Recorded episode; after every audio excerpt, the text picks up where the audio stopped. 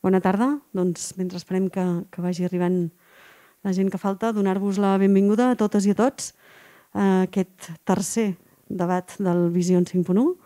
Uh, molt ràpidament, uh, només dir-vos uh, aquesta benvinguda al Museu de la Vida Rural de l'Espluga de Francolí i dir-vos que aquest debat uh, aquesta vegada s'emmarca en la celebració internacional del Dia dels Museus, que formalment és el 18 de maig, però que hem passat aquesta celebració en aquest cap de setmana i que, per tant, amb aquest debat arrenquem tot un programa d'activitats que demà continuarà, eh, portes obertes al museu, espectacles infantils amb el carro de contes, eh, un debat sobre els museus del segle XXI, un cinefòrum amb l'Oliver Lache i el, el i el foc, eh, la guingueta del museu oberta a tothom, visites eh, dinamitzades, etc etc. Ho podeu consultar tota la pàgina web i podeu encara apuntar-vos els que vulgueu.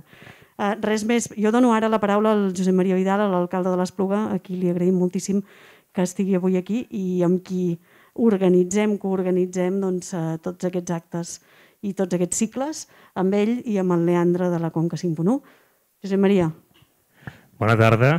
Uh, qui ha de fer l'agraïment en aquest cas sóc jo, Gemma, perquè de fet, gràcies també tant al museu com, com a la Conca 5.1, doncs, que podem gaudir d'aquests cicles, no? que cada any doncs, hi, ha més, hi ha més contingut en quant el contingut crec que és més, més interessant, cada any és, és millor i això crec que, que li don futur en, aquest, en aquesta iniciativa, que, que crec que enguany està tenint una... Eh, penso que ha arribat amb molta força, no? veient doncs, tot el, el, el, el seguit de, de debats i veient doncs, to, tots els ponents, no? crec que és, que és important i, i crec que ens servirà també per, per reflexionar, per pensar, per aturar-nos un moment. Penso que és, és prou, prou important en els temps que corren doncs, aturar-nos perquè estan passant moltes coses molt ràpid i està canviant molt el paradigma d'on estem vivint i aquests moments a vegades són d'agrair que, que existeixin no?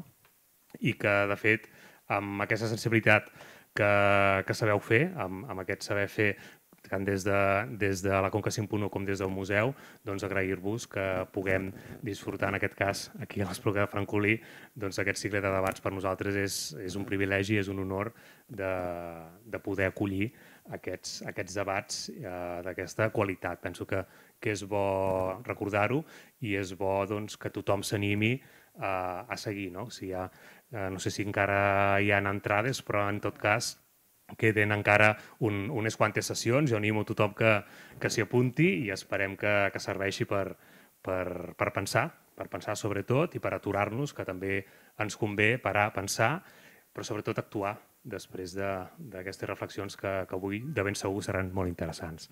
Gràcies a vosaltres. Bé, moltes gràcies, Gemma, a Josep Maria, moltes gràcies al museu, a l'Ajuntament, a totes les persones que, que organitzen, ajuden i col·laboren amb, amb, amb tot el cicle de Vision 5.1. Avui, ara, sense ja més, eh, presentarem el, el debat que, que estem a punt de començar. Gràcies a tothom per venir, gràcies a tothom que ens està seguint pel canal de, de YouTube. Avui eh, torna a ser un honor, un plaer i vull agrair molt enormement a, la, a, la, a, tot, a les quatre persones que, que han acceptat eh, estar en aquest debat i sobretot a les tres que tenim també avui aquí presents. Uh, és un honor, un plaer tenir l'Aranxa Tirado, la Blanca Garcés, l'Albert Mercader i també un canvi d'última hora. Tenim a l'Agus Morales, director de la revista 5W, Xavier Aldecoa, per motius de salut d'ultimíssima hora no pot estar aquí, però ens ha aconseguit també, hem pogut fer aquest canvi d'última hora amb l'Agus, és un honor també l'Agus, director això, aquesta revista tan important a nivell internacional que parla sobre el tema d'avui, que és el del debat de les connexions internacionals globals, Gràcies, Agus, per, per aquest canvi, per aquest recanvi d'última hora. I també vull agrair sobretot també a l'Albert Mercader, com ja vaig fer la setmana passada amb la Jordina, perquè sempre és complicat i és d'agrair que qualsevol persona accepti moderar i coordinar uh, aquest, aquest tipus de debat. Gràcies, Albert. I, i, i res més. Uh, això esperem que, com l'altre dia, no? que, que ens ho vam passar molt bé i va ser un debat molt profitós, també com comentava el Josep Maria ara, esperem que avui segur que sí serà un, un bon moment per parar, reflexionar i obrir aquest focus cap al món internacional que a vegades en el dia a dia que tenim és el que costa més de, més de fer. Moltes gràcies a tothom i disfruteu. Merci.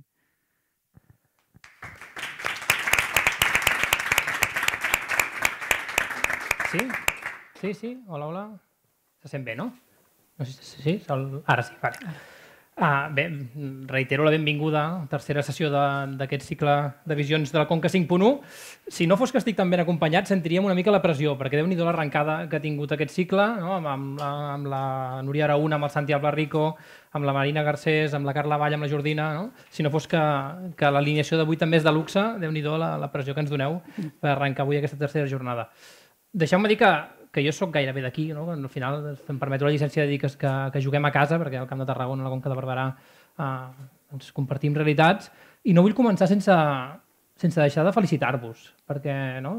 acostumats també a, a aquestes diferències que parlem sempre del món rural, de, de la ciutat, tot el que passa, és un, és un privilegi, és un luxe i, i és un motiu de felicitació que, que, i demostrar que es poden fer cicles d'aquesta magnitud, que es pot fer cicles culturals, es pot fer programació cultural, es pot fer programació de pensament fora de Barcelona, es pot fer programació de nivell fora de Barcelona, a la Conca de Barberà i en això que diem, no? del món rural, que és una cosa tan, tan diàfana però que ens hi aferrem tant a vegades amb molts complexes. I res, eh, pel que avui ens ocupa, tinc dues bones notícies. La primera és que avui parlarem de la Covid. No sé si n'heu sentit a parlar o no de tot això, és una cosa nova que no n'hem parlat gaire ni als mitjans ni als espais de reflexió, però no fora bromes, eh, hi ha una part bona, que és que avui parlarem de la Covid, però parlarem d'un àmbit, o direm una mica més al focus, i ho farem des d'un punt de vista que com a mínim jo, des, no, fent autocrítica de mitjans de comunicació, potser ho hem deixat passar massa. No? Ens hem centrat molt en, en aquí, què passava aquí, hem redondat, eh, hem col·lapsat a la gent amb dades, hem col·lapsat a la gent amb normes que canviaven cada 15 dies i potser hem perdut una mica la perspectiva de, de com estava impactant això una pandèmia mundial, no? com, com ens estava afectant a tots els entorns del planeta i com això retroalimentava també i, eh, i impactava la manera com ho estàvem vivint aquí. Abans el, el Leandre feia una mica de presentació de qui ens acompanya. Jo deixeu-me que m'hi aturi un moment perquè quan, eh, quan estàs acompanyat de gent doncs, amb el prestigi, amb la capacitat d'anàlisi i amb el recorregut que tenen la gent doncs, que avui m'acompanya, crec que està bé que, que em pari un moment i faci l'alineació perquè, perquè no, dona una mica de, de, de solatge i de, doncs, eh, de punt de partida d'on som i de per què avui m'acompanyen l'Aranxa, la Blanca i l'Agus Morales. L'Aranxa és politòloga, és eh, doctora en Relacions Internacionals per la Universitat Autònoma i és doctora en Estudis Llatinoamericans per la Universitat Nacional Autònoma de Mèxic.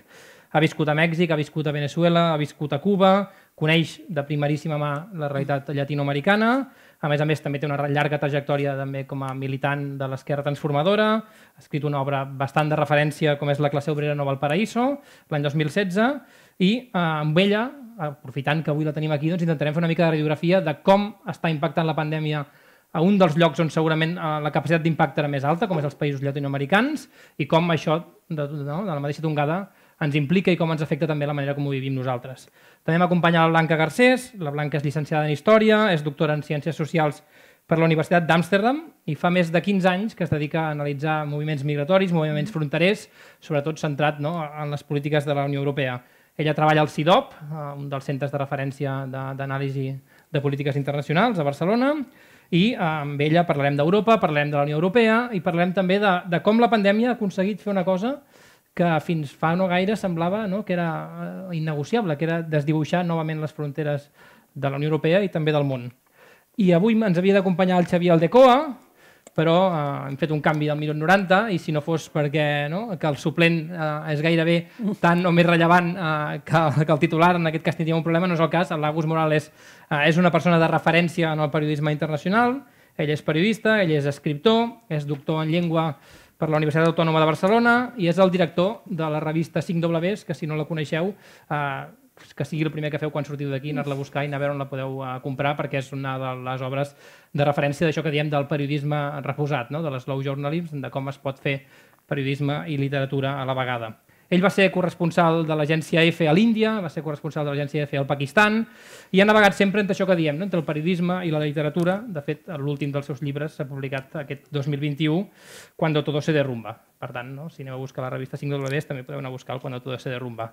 Amb ell parlem de l'Índia. L'Índia és actualment l'epicentre no? de la pandèmia, és el lloc on segurament l'impacte a dia d'avui està sent uh, més important d'arreu del món, però també seguirem parlant de l'Àfrica perquè, com el Xavier Altegoa sabia molt de l'Àfrica, l'August també ens pot acostar algunes de les realitats de, de segurament del continent més uh, que nosaltres desconeixem més o que, que tenim més prejudicis. Si us sembla, deixeu-me començar per proximitat mental i per proximitat eh, geogràfica mm -hmm. amb Europa. Blanca, I és, a veure si ens podries fer, a, a mode introductori, una radiografia de com està ara mateix també la pandèmia i quin és l'estat uh, no? de, de la pandèmia i de les crisis postpandèmia al continent. Bé, moltes gràcies. Pregunta genèrica, eh? Perquè gràcies, com... Albert. Gràcies per la invitació. Gràcies al Leandre, també, que ja aquí estàs. És un plaer ser aquí. Realment, eh, bueno, fa temps que ho esperàvem, eh, tant per la presencialitat com pel fet d'estar fora de les geografies comunes, eh, aquí a l'Espluga de Francolí, i pensant des d'aquí, de, des conjuntament. Uh, preguntes per Europa. Deixa'm que faci un petit matís. Jo, de fet, em dedico a l'estudi de les polítiques migratòries, de les polítiques de frontera, d'asil, amb la qual cosa avui el tema se me'n va una mica més enllà de la meva àrea d'estudi, però sí que és veritat que des del CIDOP és un tema que treballem molt, per tant, avui, més que parlar directament en nom meu, parlaré també en nom dels meus companys i de tot allò que estem pensant des del CIDOP. Com ha afectat la, la pandèmia i si ha afectat de forma diferent en diferents països eh, de la Unió Europea? Doncs clarament sí, ho hem anat seguint amb aquestes dades, Albert, que deies, eh, ho hem anat seguint al llarg d'aquests mesos. Ha afectat de forma diferent dins de cada país, en funció de la, en fi, de, de, la, de la classe social, de la posició, de la, de, del treball de cadascun de, de nosaltres, però també ha afectat de forma diferent en els diferents països europeus i això no només té a veure amb diferents eh, taxes de contagi, de morts, etc etc, sinó també amb la possibilitat d'implementar unes polítiques de confinament més o menys estrictes. I aquestes possibilitats tenen a veure amb diferències polítiques, amb diferències econòmiques, amb diferències socials i amb diferències culturals. I la diferència fonamental és que hi ha països que s'han pogut tancar i s'han pogut tancar de forma més estricta i de forma més llarga i d'altres on aquest tancament, aquestes polítiques de confinament han sigut més doloroses. I les conseqüències també seran més doloroses. I aquí basta val recordar eh, les taxes d'atur que tenim a Espanya fruit d'aquestes polítiques de confinament d'aquest any i que segurament seguirem tenint en els pròxims, en els pròxims anys.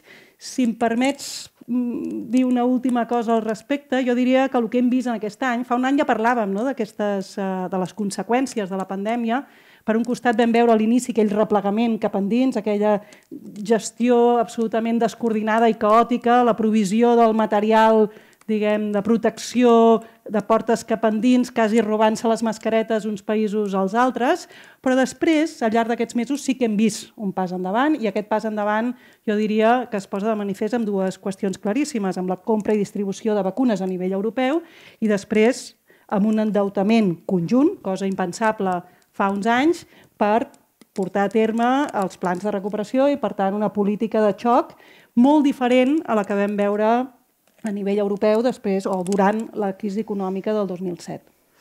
Si m'ho permets uh -huh. portar-ho, eh, de fet, al teu terreny absolut, no? Un, el que sí que hem vist amb la Covid és uh, com es feia realitat una de les reivindicacions clàssiques de l'extrema dreta arreu del territori, no? com era aquest enduriment de les polítiques frontereres, aquest tancament de fronteres, aquesta dificultat no? per, per la lliure circulació dins l'espai europeu, això, uh, que era una de les reivindicacions de l'extrema dreta, ho ha aconseguit la Covid. Sí, ha aconseguit aquest tancament eh, radical i sense precedents, ja no només a nivell europeu, sinó a nivell mundial, però jo aquí ho matisaria a la vegada, perquè efectivament, tancament sense precedents, ara veiem aquests controls sanitaris en frontera, que a més, per exemple, si pensem, i aquesta sí que és la meva àrea de confort, si pensem en les Illes Canàries, hem vist com les polítiques de confinament anti-Covid han servit d'excusa per legitimar tota una sèrie de polítiques de tancament de frontera i de no mobilitat cap a la península, que òbviament han reforçat justament aquestes polítiques de l'Europa fortalesa. Però al mateix temps jo diria que la, el tanquem de fronteres també ha impedit, per exemple, als estats seguir les seves polítiques de deportació. Recordem, per exemple, els primers eh, mesos de confinament, com es van tancar els CIES, que era justament una reivindicació no de l'extrema dreta, sinó dels moviments eh, activistes, socials, d'esquerra, justament per tancar els CIES com espais, diguem, de vergonya, de, de, en fi, de vulneració de drets fonamentals i també aturar les deportacions. Aquestes deportacions també es van veure afectades, és a dir, que el tancament de fronteres va afectar a múltiples nivells i després, si entenem el concepte de frontera més enllà de la frontera geogràfica, les fronteres internes, l'exclusió eh, o la construcció del nosaltres versus ells, jo diria que per un costat ha reforçat aquells eh, discursos i aquells arguments de primer els de casa, i ho hem vist claríssimament amb l'anunci de Vox durant la campanya electoral de Madrid, eh, primer els nostres, que aquells que són vistos com a, com a, com a estrangers i en certa manera invasors, però per l'altra banda la pandèmia ha posat en evidència que no hi ha fronteres que valguin, que o anem junts o no ens en sortirem. I això val tant per les fronteres internacionals o apliquem una campanya de vacunació a nivell mundial o no ens en sortirem, i també val per aquestes fronteres internes. O incluïm el conjunt de la població sense excepcions, i incluir vol dir no només accés a la sanitat i a les programes de vacunació, sinó condicions adequades de vida i de treball, o, com vam veure, per exemple, amb la campanya agrícola de l'any passat, mm, no aturarem, la, no aturarem el virus.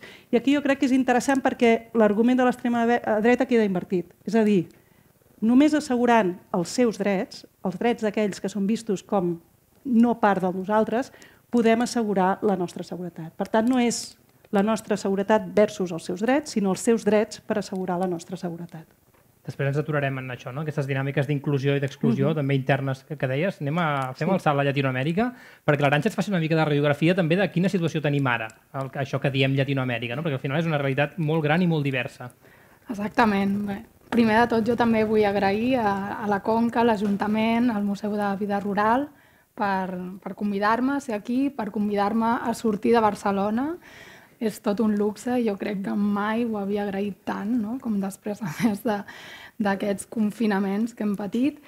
I, i celebrar també que, que puguem fer una anàlisi de la Covid amb una visió global, perquè és una paradoxa, em sembla, que una pandèmia que precisament ha estat mundial i és mundial, eh, hem patit una espècie d'ensimismament a l'hora de fer eh, les anàlisis i no entendre que, que aquesta pandèmia, si alguna cosa posa sobre la taula, és la necessitat de pensar en lògica de la humanitat. De que si, com deia, no? la que si no ens en sortim tots alhora no ens en sortirem. No? I bé, doncs, anant a Amèrica Llatina, òbviament, és una realitat plural, no? com, com tot continent que, que té diversos països i a dintre de cada país hi ha les seves eh, pròpies idiosincràcies, ètnies, llengües, etc. No és el mateix el que s'està vivint a la pandèmia a Cuba que el que s'està vivint a Brasil. No? Podríem dir que, que són experiències diametralment oposades i després podem anar a donar detalls de, de per què. I també hem d'afegir que hi ha una volatilitat de la situació, és a dir, eh, hi ha països com l'Uruguai que fins fa poc eren un exemple de com controlar la pandèmia no? dintre de, de la comparativa, però que ara mateix estan liderant doncs, la quantitat de morts que està portant la, la regió sota una política que han anomenat de llibertat responsable. Avui dia, amb dades de l'abril, l'Amèrica Llatina ha proporcionat, per dir-ho així, no? potser Albert no és el millor, el 35% dels morts de tot el món, si tenim en compte que té el 8% de la població mundial, veiem que hi ha una desproporció, és a dir, està tenint una afectació molt gran. I, i què hi ha al darrere d'això? Doncs probablement una gestió que pot ser qüestionable en el cas d'alguns països. El cas més evident és el de Brasil, no? que també ha batut rècords, ha superat, és el segon país que ha superat els 400.000 eh, morts i també s'ha criticat molt la gestió de, de països com Mèxic, tot i que no, no té unes xifres tan, tan altes. També hi ha tot un debat sobre si les xifres que porten els països d'Amèrica Llatina són reals o no són reals, que faig un incís, no? És molt curiós aquesta suspicàcia, és molt curiosa aquesta suspicàcia una mica de, mm, des d'aquí, no? quan diuen no, no pot ser, sobretot, no? els països anatomitzats a, la premsa, no pot ser que a Venezuela els hi vagi tan bé perquè segur que estan mentint, no? els cubans també estan mentint. Bé, doncs hi ha també aquest debat, ha, mm, jo diria també, per, per ficar-me una mica amb la premsa, que, que hi ha hagut un, un viatge a l'hora d'informar, no? un, una manca de, d'informar del que estava passant a alguns països que tenien bones xifres o que ten, tenien bons protocols. O sigui, no se sap que Venezuela va ser el primer país que va tancar tot, això no, no ens ho han dit, però sí ens diuen coses dolentes. I també doncs, um, ja a Amèrica Llatina, això ja tanco i després podem continuar no? amb d'altres aspectes. Un debat aferrissat, doncs, a alguns països pel tema de les restriccions. O sigui, tot això que hem viscut aquí o que vivim aquí entre eh, teories negacionistes per part fins i tot de, de presidents, no? com seria el cas del Bolsonaro, o protestes per persones que consideren que eh, s'estan vulnerant drets perquè hi ha un tancament i perquè volen portar els seus fills a l'escola, no? com el cas d'Argentina o el que sigui, doncs això també s'ha produït a Amèrica Llatina i després anem, si vols, a altres detallets. Després hi tornem perquè tenim la sort de que ens acompanyi l'Agus Morales. L'Agus en sap molt de la Índia i no, per casualitats de la vida, la Índia a dia d'avui és, és l'epicentre de la pandèmia, que s'acumula gairebé la meitat dels contagis diaris mundials eh, estan passant a dia d'avui a la Índia. Agus, com s'hi arriba en aquesta situació a la Índia i per què ara? Eh, bona tarda, eh, espero que se'm senti bé, encantat d'estar aquí. Eh, i, i jo hagués anat també a Espuga Francolí, però eh, ha estat d'última hora, o sigui que m'he connectat aquí eh, a través d'internet. Eh, doncs res, això, moltes gràcies per convidar-me i doncs, sobre l'Índia jo crec que eh, faríem bé de, de, no sé si d'informar cada dia el que passa allà, però sí de mirar, eh, examinar i de pensar eh, que el futur de la pandèmia passa per, per l'Índia inevitablement. Jo és una cosa de fet que vaig pensar des del principi i sobretot per, per les dimensions de, del país, per la seva població, són més de 1.300 milions de, de persones, el segon país més poblat del món, i diguem-ne que és un país on, en el qual es donen totes les condicions adequades per, per, uh, perquè s'escampi el virus, no? perquè a més d'aquesta població hi ha densitat de població també, condicions higièniques eh, complicades, diguem-ne, per fer servir un mm. eufemisme a moltes parts del, del país, eh, molts elements que ens fan pensar que una crisi d'aquesta mena pot afectar el país. Què va passar? Que la primera onada, eh, el govern, de fet, va reaccionar ràpid eh, va fer un, un, un confinament nacional eh, que va ser molt criticat de fer i també ja va haver-hi molt escepticisme, no? perquè també fruit dels estereotips es pensava no, això no es podrà fer, no? un país com l'Índia, etc. Doncs mal que bé sí que es va fer. Eh, sí que va haver-hi allà, per exemple, centenars de milers de persones que treballaven a les grans ciutats que van tornar eh, a les àrees rurals, sobretot, eh, que és el seu lloc d'origen perquè havien perdut la feina no? per, degut a aquest confinament però en general es va respectar el, el confinament i diguem-ne que les conseqüències d'aquesta primera onada no van ser catastròfiques. A partir de l'octubre, sobretot, eh, s'aixequen les restriccions. Eh, tinc un amic que va anar fa poc i que, i que, i que em va dir que era, eh, va, és com tornar al 2019, no? Per què? Perquè tot obert, eh, l'Índia és moviment de per si. No? Llavors, quan eh, l'Índia es creu que, que és immune al que està passant, quan el govern eh, té un missatge triomfalista, eh, això fa, fins i tot dient que l'Índia estava salvant, salvant a la humanitat, etc.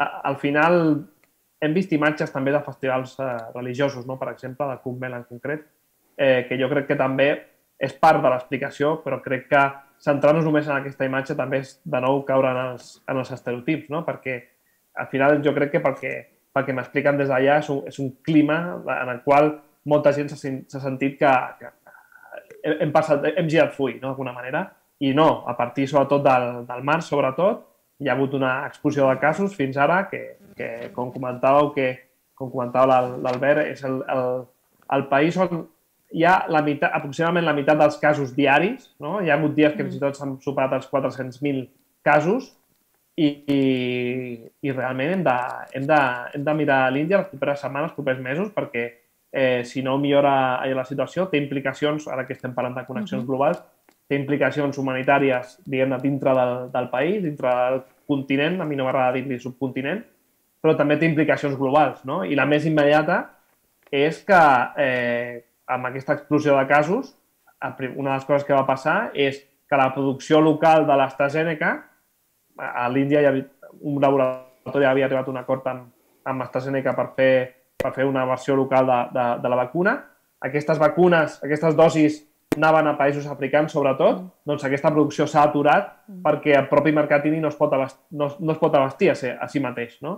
Eh, I això doncs, veiem de forma molt clara aquesta connexió global, en aquest cas, eh, que no passa ni tan sols per Occident, no? que és de, de, de l'Índia fins, fins a l'Àfrica. El que sí que hem vist aquests dies és uh, imatges d'hospitals esbordats, uh, imatges d'incineracions massives a la Índia. No? Quina és la situació ara mateix, a dia d'avui?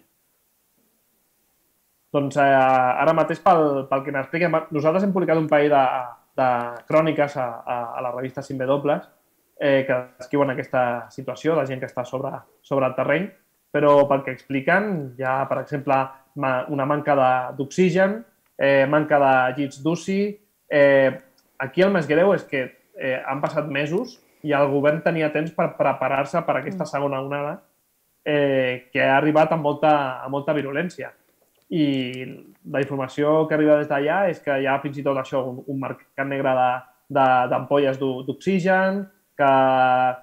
I, I atenció, perquè, i fins i tot hem vist imatges, eh, per exemple, de, de cadàvers al, al riu Ganges, no? Eh, mm. bueno, molt, molt, molt trist, no? Però també una reflexió, no? Que sabem mm, o tenim imatges o ens arriba informació del que està passant a, a les grans ciutats, no? a Delhi, a Bombay, però si això està passant a aquestes grans ciutats, què no, què, què no estarà passant a les zones rurals, mm. on viu la majoria de la població de l'Índia? No és l'Índia buida, no? Vull dir, allà a, a les àrees rurals de, de, de l'Índia on viu la majoria de la, de la població i la informació que arriba és de morts no enregistrades, cosa que hem vist també, jo crec que hem vist també a Occident, eh? no vull uh -huh. fer demagogia en aquest sentit, no? però, però el que ens, ens arriba informació de, de, de molta gent que directament no arriba a l'hospital i sobretot també hi ha un problema molt gran que és del sistema sanitari, que no sé si mereix aquest nom, a, a l'Índia, i que el 70% és, és privat. No? Mm això fa que, que molta gent no tingui accés a, a, a l'hospitalització en un moment clau, no? en un moment crític per, per, per, la, per la salut pública. Abans, Blanca, tu apuntaves no, el, factor de descoordinació, deies, no? l'inici de la pandèmia mm -hmm. a Europa, potser la, la paraula que millor la defineix era els estats actuant cadascun per lliure, cadascun les mesures que creien al seu moment, barallant-se per aconseguir el material mèdic, per les mascaretes... Aquest potser ha sigut una de les realitats també que hem viscut a la Unió Europea, no? descoordinació, als països del nord per una banda, als països del sud per una altra, però no només això que és lo habitual, sinó també no? diferències entre França i Alemanya amb confinaments durs, aquí a Espanya amb, no? amb, amb, mm -hmm. més dificultat per, per confinaments, per tancar l'economia una dels, un dels factors que més s'ha ficat sobre la taula a la gestió europea ha sigut aquesta descoordinació, no? Uh -huh. Sí, aquesta descoordinació que té impacte tant en la projecció d'Europa en el món com internament. Fins a quin punt això ha afablit eh, la Unió Europea, tant externament com internament? Jo respondria amb un sí i un no. És a dir, per un costat sí que ha donat sensació de feblesa, d'aquest... Eh, eh, d'aquesta unió que al final, quan hi ha crisi i es necessita una resposta, no ho és, i per tant, en tant que no ho és, i per exemple no té competències en sanitat, acaba sempre donant respostes lentes, dubitatives, que arriben tard. Aquesta va ser la sensació dels primers mesos. Al mateix temps, i aquí m'estic eh, recolzant sobretot amb, amb el que han escrit companys meus des del CIDOP, al mateix temps també és veritat que si mirem allò que s'ha fet i no tant allò que s'ha dit, és veritat que la Unió Europea ha tingut un paper de lideratge en tot el que és la innovació, ja no Unió Europea i Estats membres, eh? en tot el tema de la innovació, de la recerca, en la vacunació, després producció i distribució de vacunes, això, això no ho hem de ignorar. I l'altra cosa que també hem de posar sobre la taula és el que deia abans, no? aquest pas en el que és la compra i distribució de vacunes i en l'endeutament conjunt, que en certa manera representa un pas endavant. El, el, el director del CIDOP, Pol Morillas, que justament treballa aquests temes, deia que és un sortir del pas, però en aquest sortir del pas, que és el que normalment fa la Unió Europea en contextos de crisi, sempre s'acaba fent un pas endavant. No? És un sortir del pas no massa gloriós, no és una, un, un pas eh, radical endavant, però bueno, aquí sí que hi ha una Unió Europea que no tenia competències en, en, en sanitat i que ha fet aquest pas en un moment de necessitat i després el tema de l'endeutament conjunt, que no és qualsevol cosa i que ens porta als fons de recuperació, que tindran un impacte important tant a nivell d'Unió Europea com a les economies nacionals. Aquí la qüestió és com. I a mi la qüestió que em preocupa més és el tema de les desigualtats, que això podríem dir el mateix a Amèrica Llatina, Àfrica, a la Índia, l'efecte que, tindran, que tindrà aquest augment de les desigualtats, que en el cas espanyol veiem ja clarament i que ho veurem en els pròxims anys, fruit d'aquesta crisi econòmica Covid i post-Covid, i el que generaran aquestes desigualtats, per, per exemple, en termes de caldo de cultiu, com deies tu abans, eh, per una sèrie de discursos xenòfobs, de replegament nacional, de replegament europeu, i per tant, de, bueno, tenim una història a Europa que ens demostra que en moments de crisi eh, aquests moviments i el tirar endavant en direccions eh, realment agressives, violentes i, i, i, i dramàtiques, eh, aquí està una mica el veure el que passarà.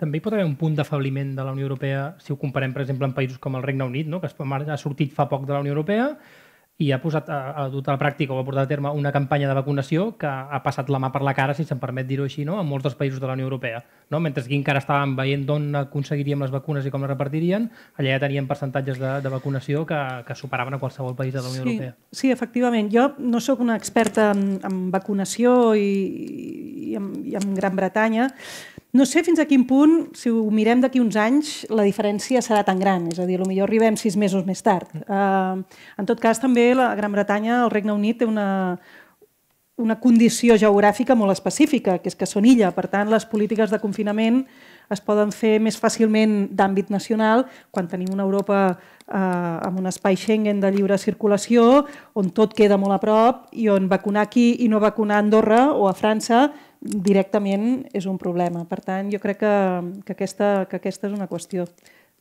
Ara que hem obert el meló de la vacunació, que de fet no, és com segurament el gran ítem que ens ocupa a dia d'avui a nivell informatiu i a nivell mediàtic, a, a, a Llatinoamèrica, a Cuba, tenim uh, no, un exemple mm, si més no, que, interessant d'aturar-s'hi, que és l'única producció de vacuna 100% pública, 100% estatal, no? que és una diferència amb la resta de països del món.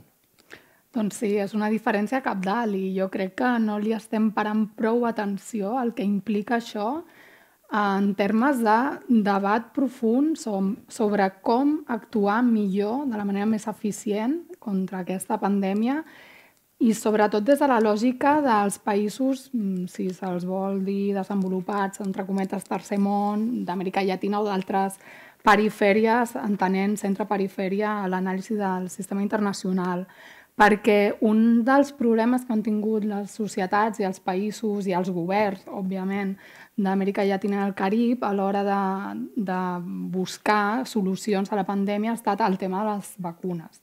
Sabem que, que va haver-hi una espècie d'acaparament de, de vacunes per part de, als països desenvolupats, de determinats països, el cas d'Israel és, és molt clar, molt conegut, però també Canadà, no? que va comprar quantitats de, de vacunes. Alguns diuen sí, però va ser també per, per donar-les, sí, mm, però el fet és que van comprar una quantitat de vacunes que servia per vacunar varis cops a la seva població, mentre aquests països d'Amèrica Llatina i el Carib pel que sigui, mm, no, o no tenien recursos o estaven els últims a la cua, després de la Unió Europea, etc i no han tingut el mateix accés, tret d'alguns països que sí tenien eh, convenis bilaterals o relacions privilegiades amb determinats països com Rússia, no? o sigui, penso en el cas de Venezuela, però no només, perquè una característica que ha deixat també la pandèmia ha estat que aquestes aliances que podríem dir ideològiques, entre cometes, no, mm, s'han superat. No? Hi ha hagut eh, la cerca de eh, solucions per sobre de diferències i aliances bilaterals tradicionals i també un intent de cerca de, de respostes multilaterals. Aleshores, eh, en, en aquesta cerca d'altres... Perdona, és que m'estic despistant una mica mm. amb la gent que està parlant i se'n va el fil. Um, perdoneu. Amb aquesta cerca de, de solucions, de, de vies uh, millors, els països d'Amèrica Llatina, molts eh, que han pogut, per una banda, anar per allò bilateral, per una altra, cercar no? una resposta conjunta per mecanismes com la CELAC o d'altres de la regió, i per l'altra, dependre de, del mecanisme de la COVAX, tenim l'experiència cubana que sobta moltíssim, sobretot provenint d'un estat que pateix un bloqueig econòmic des de fa dècades per part dels Estats Units, que també condiciona tota la seva economia. De fet, ara estan pensant en produir una sèrie d'insums per la pandèmia que, que no havien produït mai per una mica tractar de superar el bloqueig i perquè no tenen uh, divises, uh, no tenen liquidesa per, per comprar als mercats internacionals i, a més és que són quatre projectes de, de vacuna, o sigui, no és ni un, ni dos, ni tres, o sigui, són quatre, que ja estan en una fase, almenys dos, fins on sé, eh, ja la fase d'experimentació en població i em sembla que en qüestió de setmanes es començarà ja a fer una vacunació mm, massiva.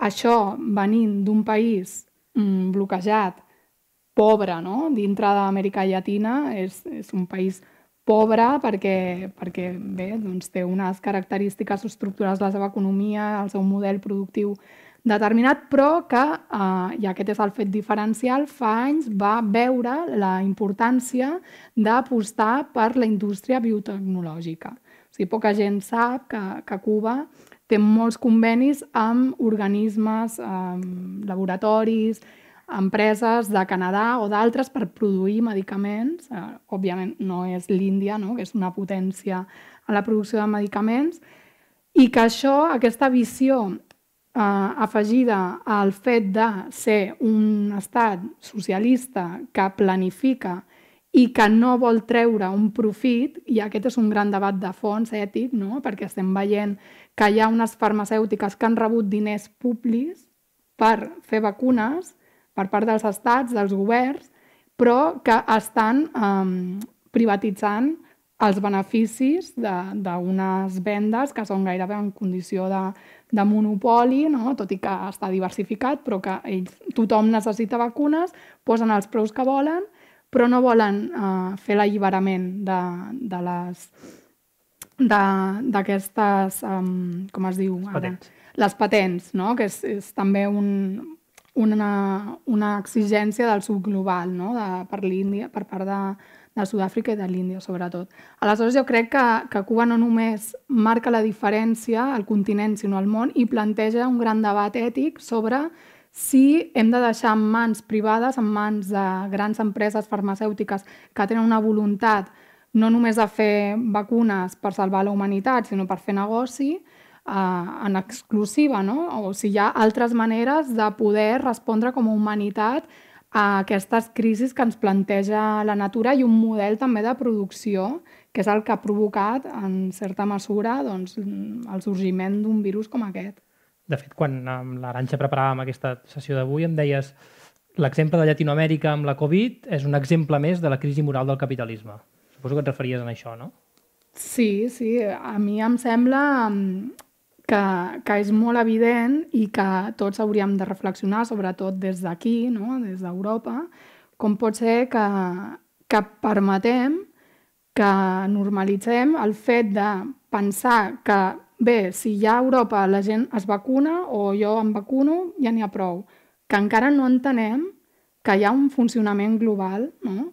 que hi ha una, una, esclet, una bretxa de desigualtat entre països òbviament també entre classes, no? dintre dels països, i que el propi funcionament del sistema és el que reprodueix aquesta desigualtat. I jo crec que el que ha vingut a fer, o voldria creure que el que ha vingut a fer aquesta pandèmia és sacsejar les nostres consciències i demostrar-nos que només amb respostes individuals i individualistes no sortirem de la pandèmia. No serveix de res. S'ha posat l'exemple d'Àfrica molts cops, no? Amb el tema de les migracions, que la Blanca coneix a la perfecció, de què serveix que Europa es blindi si tenim molta gent a d'altres parts del món que no està vacunada i avui dia hi ha moviments globals, no estem a altres èpoques històriques on gairebé ningú no? viatjava, no? No, és, no és aquest moment.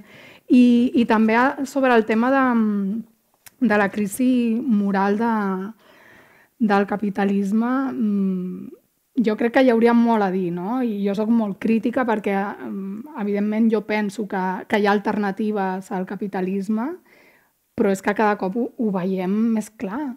És una necessitat ja de, de, de la humanitat. No podem continuar eh, amb un sistema on passa això i molta gent eh, s'ha d'arriscar a morir perquè ha de sortir a treballar. O sigui, Amèrica Llatina, per exemple, el, què, 58 milions de persones treballen a la informalitat, no tenen contracte. O sigui, és, la for és més de la meitat de la força de treball. I aquestes persones no poden triar en llibertat aquest, aquesta paraula no? que està tan de moda, la llibertat. Quina és la llibertat al capitalisme? Si tu has de triar entre menjar o morir-te, no? I aleshores, eh, i tot el que comporta, el que comporta un sistema capitalista que aquí, a Europa, tenim més o menys un estat del benestar, no? té, mm, té més, eh, bé, unes polítiques socials de, de més abast, perquè també s'entén això en una lògica de lluites prèvies que va haver-hi, que hi havia un bloc soviètic que exercia de pressió, no? on, el, on els treballadors d'Europa es podien mirar i, i el perill d'aquestes revoltes que es poguessin replicar va fer que aquí a Europa tinguessin més drets, però la realitat d'Amèrica Llatina i el Carib no és aquesta. Traient el cas de Cuba, traient el cas de Costa Rica, que també té un bon sistema sanitari, Uruguai, però fins i tot ara està patint força amb la pandèmia, el que tenim és, com deia abans l'Aus, no? pel cas de l'Índia, sistemes sanitaris privatitzats amb gent que no va al metge perquè no té diners. O sigui, és així.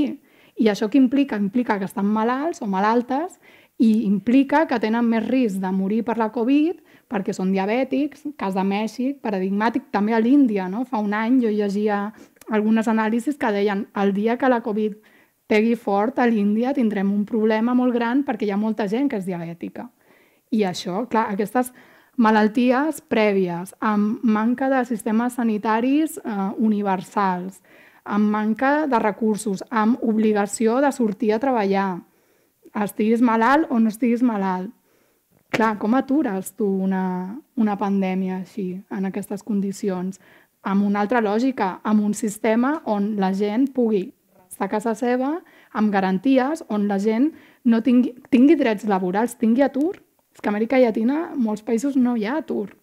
No sé si ho sabeu. O sigui, que són coses que aquí hem assumit i aquí tenim precarietat, inestabilitat, també hi ha classes diferenciades, també hi ha molta gent que ha de sortir a treballar i, i treballadors i treballadores que estan gairebé obligats a treballar amb Covid, no? s'han donat casos aquí a Europa. Imaginem ara el que passa a aquestes realitats on no hi ha cap tipus de, de dret o, o els drets són molt reduïts per una elit que no és representativa de les majories socials. Això ho hem vist també a Europa, no? Mentre Alemanya i França podien tancar i podien fer confinaments locals i podien tancar botigues i comerços i dir-li a la gent que es quedés a casa, aquí veiem com l'Estat, eh, no? Espanya l'Estat anava fent malabars com podia per tancar, ara obro, ara no tanco, perquè no tinc la solidesa uh, per poder fer un confinament i per fer un, un lockdown potent no? que, que aturi la propagació del virus. Perquè és el debat, no? Perdona, economia, sí, sí. salut. Sí, sí, efectivament. No? Començàvem per aquí la, la discussió d'aquesta diversitat dins d'Europa. Jo recordo l'estiu passat, nosaltres tenim mitja vida a Holanda i mitja vida aquí, i després d'uns mesos de confinament molt dur a, a Espanya, vam anar a passar l'estiu a Holanda i ens miraven amb aquesta mirada de superioritat que sovint tenen els del nord cap als del sud, amb aquesta idea de que, bueno, que no era d'estranyar que les taxes de contagi a Espanya i al sud d'Europa, Itàlia i Espanya, perquè en aquell moment Grècia i Portugal no eren el cas, fossin més altes perquè bueno, ens passàvem el dia fent botellones a les places, no? que és el que explicaven en els diaris d'allà. Clar, de fet, aquest argument era el mateix argument que es donava després de la, o durant la crisi econòmica del 2007-2008, no? aquests països del sud que no han sapigut estalviar, que s'han gastat tots els diners. Llavors aquesta divisió nord-sud reapareix, reapareix en els mateixos termes. És veritat que amb el pas del temps els països, alguns països del nord han tingut altes tasses de contagi, però en tot cas, quan les han tingut, s'han pogut tancar i això és fonamental. I, de fet, la limitació de les polítiques de confinament en els països del sud, i especialment a Espanya, en els últims mesos, quan hi havia països, com deies tu, com França, Alemanya i Holanda, on tenien les terrasses tancades, les escoles tancades, només s'explica pel fet de no poder parar. I aquí, a més, sumaríem també tot el que és l'economia informal, que en el cas dels països del sud és molt major. Per tant, no només s'ha seguit obrint, sinó que, a més, molta gent ja sé que en termes relatius res comparat amb, amb Amèrica Llatina o l'Àfrica, però molta gent ha hagut de seguir, de seguir sortint. Ara la Blanca apuntava l'Àfrica, hem dit que parlaríem de l'Àfrica, no? També hem dit que parlaríem de l'Índia, perquè de fet, Agus, parlar de l'Índia i del que està passant avui a l'Índia és una manera indirecta també de, de parlar de què passarà a l'Àfrica els propers dies, no? perquè la Índia té una influència directa també en el que pugui passar a l'Àfrica. Sí, primer pel que comentàvem abans, no? per les pròpies dinàmiques globals de, de la pandèmia no? I, i en específic per, eh, per aquesta producció de, de, de, de vacunes des de, des de l'Índia que, que, que s'ha aturat i que tenia com a, com a destí eh, l'Àfrica i també jo crec perquè mm, són eh, aquests eh, eh, forats que tenim a Occident, no? que mirem a, a alguns llocs com si no existissin pràcticament no? i de vegades de sobte veiem que això, per exemple, ara hi ha hagut eh, aquesta emergència sanitària línia amb l'explosió de casos i és, i és en aquell moment quan, quan mirem. I abans eh, ja era fàcil veure que, que això, que això podia, podia passar. No? En el cas de l'Àfrica, doncs, eh, com bé sabeu, és un continent molt, molt divers, tot que té al final la mateixa població de l'Índia, més o menys, eh, que això també ens hauria de fer reflexionar potser sobre com parlem de, de l'Índia, però bé, aquest és un altre, un altre tema.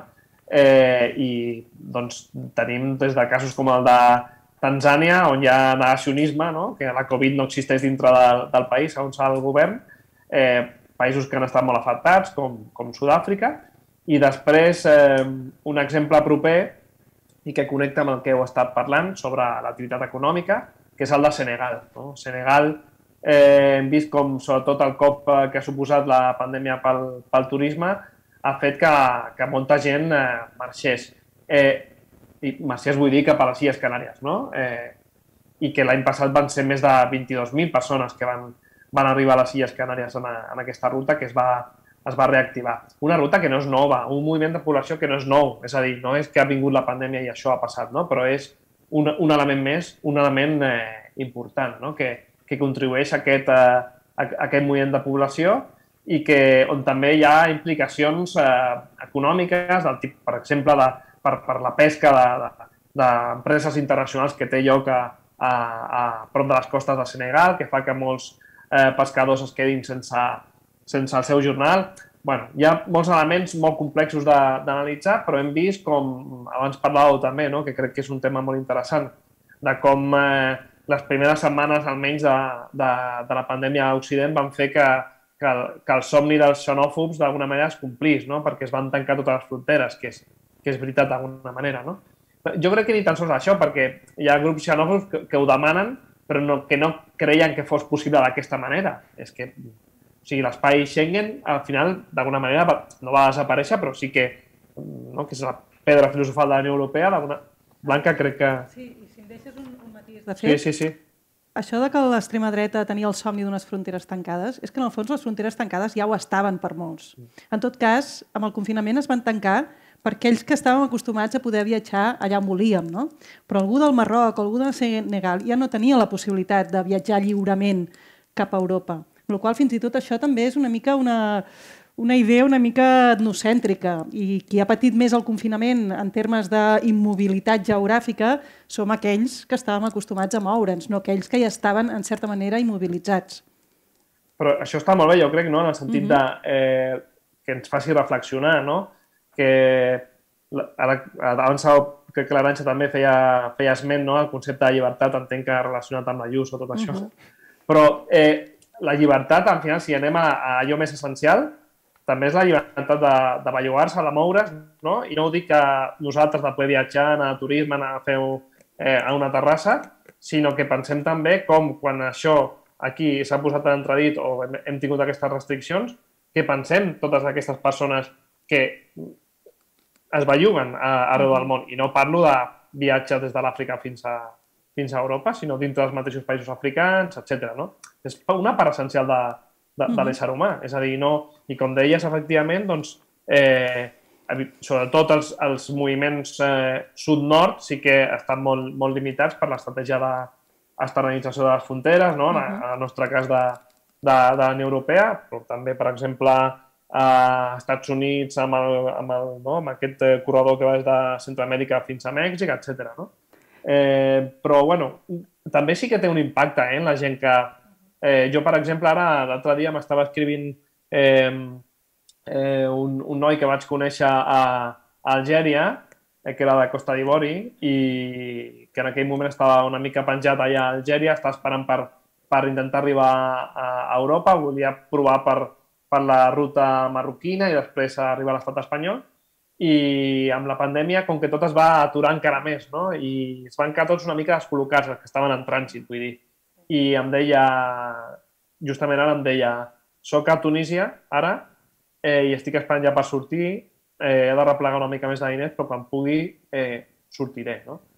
Ara hem vist que hi ha hagut també més naufragis en la ruta del Mediterrani central i, i tot, tot fa pensar que ara que arriba el bon temps, que hi haurà moltes més sortides aquest any i molts més eh, eh, naufragis amb els resultats lamentables que hem tingut altres anys, que és bàsicament morts, no? que és el gran problema de seguretat d'Europa no és eh, el terrorisme, etc etc tot el que vulgueu posar-hi aquí, sinó que és les morts eh, al Mediterrani, no? amb milers de morts cada, cada any. Jo crec que és el, el gran problema de seguretat que té Europa ara mateix.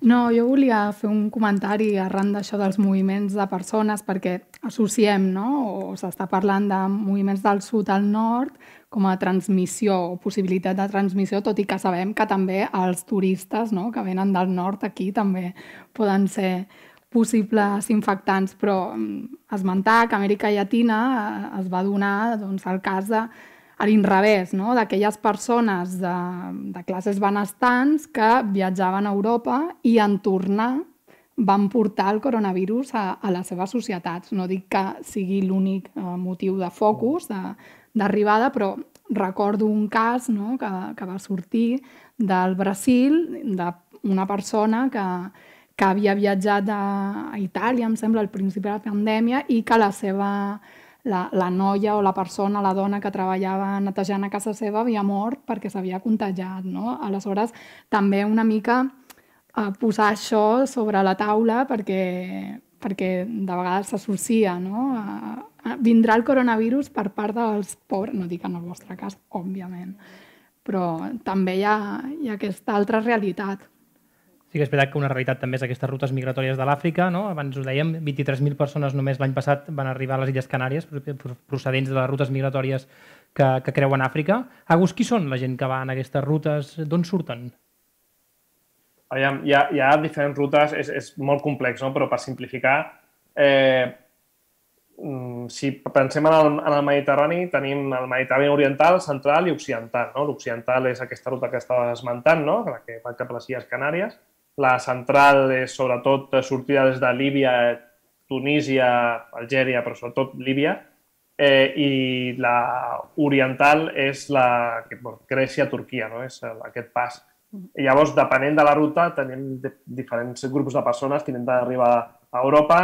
El 2015, per exemple, quan va ser quan van arribar fins, fins un milió de persones a, a, a Europa de forma irregular, va ser aquesta ruta la més important, la de Grècia-Turquia, i aquí tenia moltes persones sirianes, afganeses, etc. No? Eh, però per les rutes que, queden més, que ens queden més a prop, no? Mediterrani central i, i, i, i occidental, si voleu, doncs tenim sobretot... Eh, hi ha moltes rutes que venen, per exemple, des de la banya d'Àfrica, que hi ha una que va cap a l'Aràbia Saudita, no? però també hi ha una que va cap a Líbia, etc. i després, sobretot, d'Àfrica Occidental. No? Des de l'Àfrica Occidental, eh, mm, normalment van pujant després cap a eh, Níger, etc., fins a arribar a Líbia, o, i de, des de Líbia surten, o agafen l'altra ruta no, per arribar al Marroc i intentar arribar a, a l'estat espanyol, o també la que hem esmentat abans, no, de Senegal, o més, sobretot de ara, no, al Sahara Occidental és d'on estan sortint eh, molts els anomenats cayucos no, cap, a, cap a les Illes Canàries. És molt complex, eh, van canviant aquestes rutes, Eh, per exemple, després de l'acord de la Unió Europea i Turquia es va tancar molt aquella ruta, tot i que segueix oberta. Llavors, doncs, tenim com ells van intentant mirar per on, per on, per on poden anar-hi i normalment el que passa és que aquesta estratègia que es fa servir a tancar fronteres el que fa és posar més en perill les seves vides, perquè cada cop aquestes rutes són més, més, eh, més perilloses. Abans eh, apuntàvem no, que un dels factors, apuntaves Blanca, no, un dels factors que s'havien eh, posat més de manifest en aquest sistema d'exclusió i inclusió, no només externa, que ara parlàvem d'aquestes rutes migratòries, sinó també internes, no? Mm -hmm. en les lògiques d'exclusió i d'inclusió internes.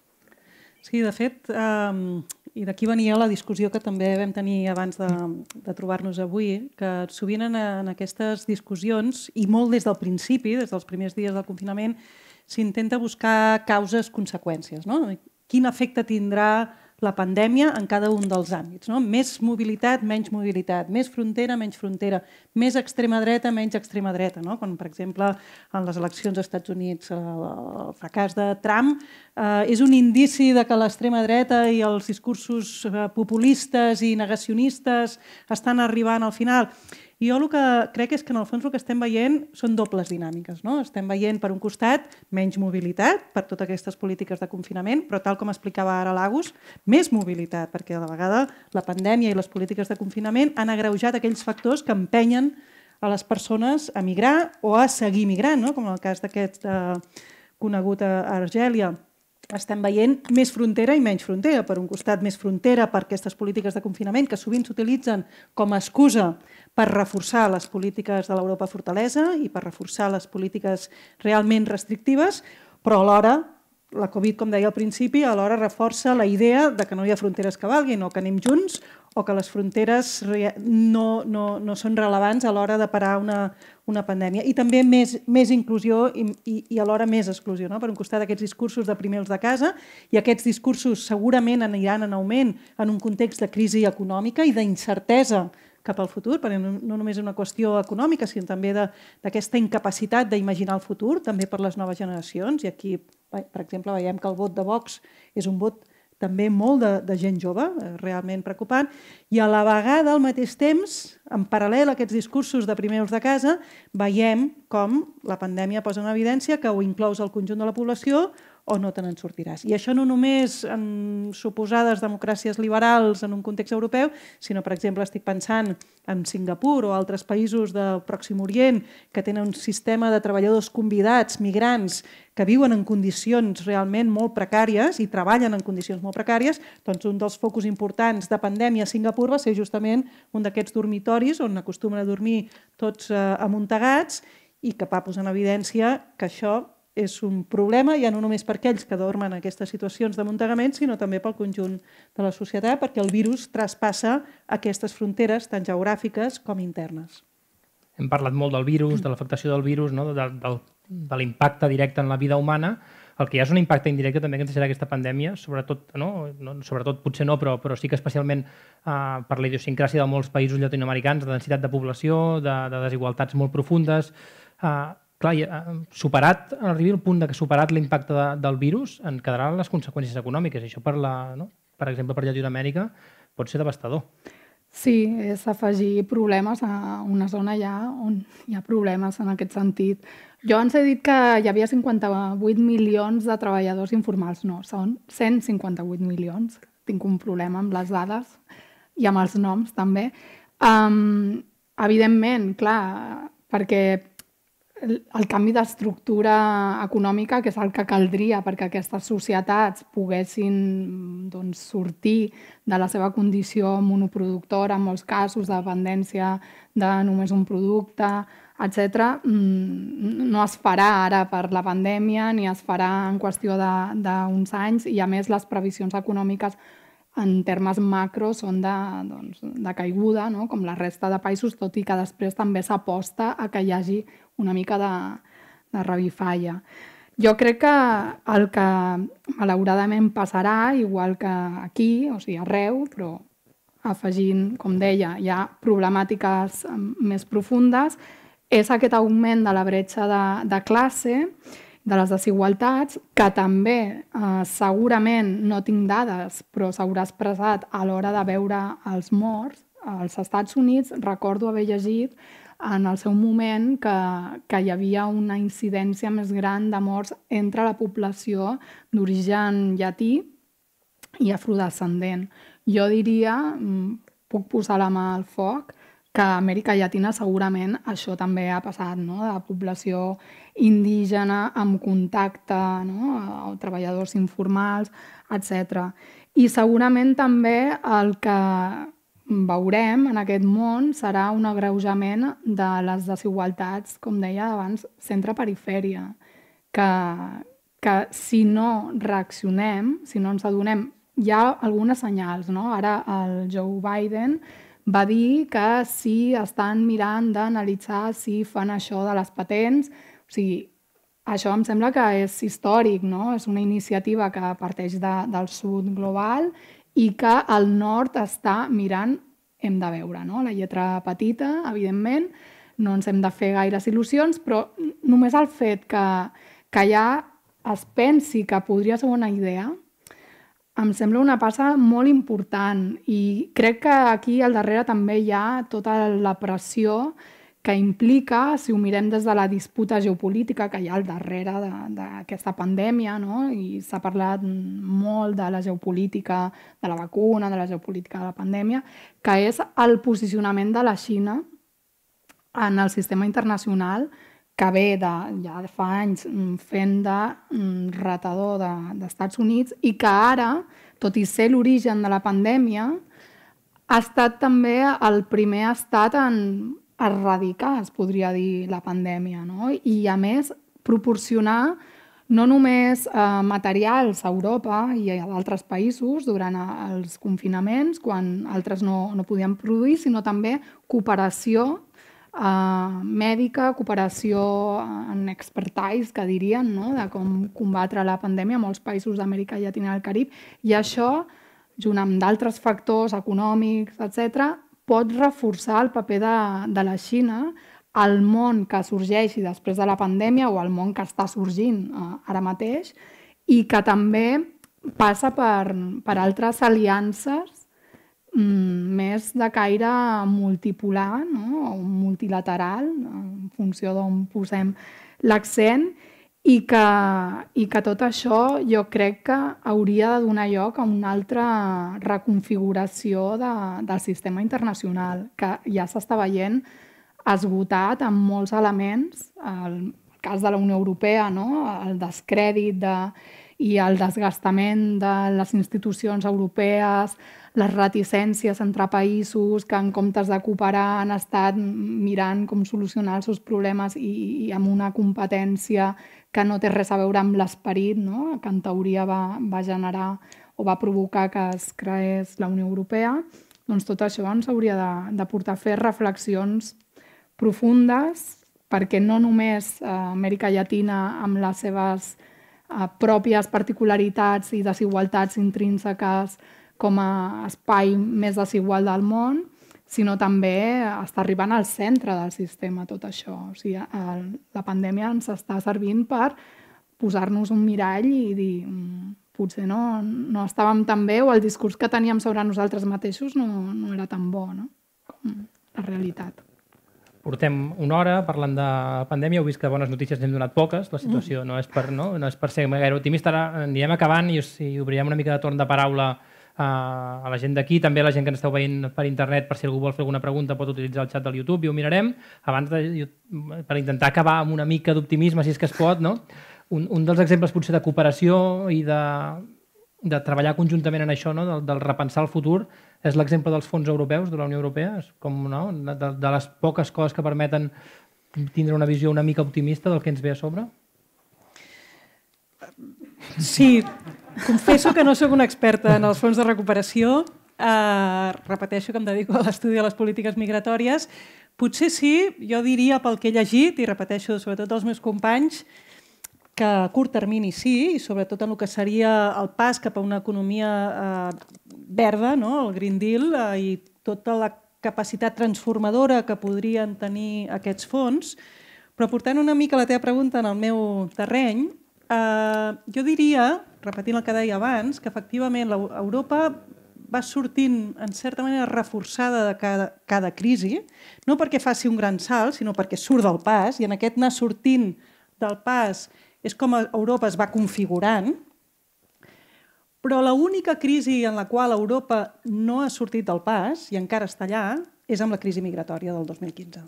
I aquí és un tema que compartim amb l'Agus, però de fet recordareu amb la crisi migratòria del 2015 aquells Consells Europeus que es reunien cada 15 dies, cada setmana pràcticament, i l'únic que sabien acordar és que no es posaven d'acord i que ja en tornaríem a parlar dues setmanes després. Europa no es va posar d'acord. La Unió Europea i els seus estats membres no es van posar d'acord, l'únic que es van posar d'acord és en reforçar les seves fronteres i, com deia Lagos abans, en externalitzar aquest control fronterer als tercers països, perquè en això sí que és fàcil posar-se d'acord, no estàs parlant d'allò que comparteixes i de com compartir justament aquesta responsabilitat entre els diferents estats membres, seguim amb un sistema de Dublín que no funciona, que és el que atribueix la responsabilitat de les sol·licituds d'asil dins la Unió Europea entre els estats membres, i sis anys després, ja ho sabíem el 2015, Merkel ho va dir l'estiu del 2015, quan van entrar més d'un milió de refugiats a Europa va dir Dublín no funciona i seguim amb un sistema de Dublín sis anys després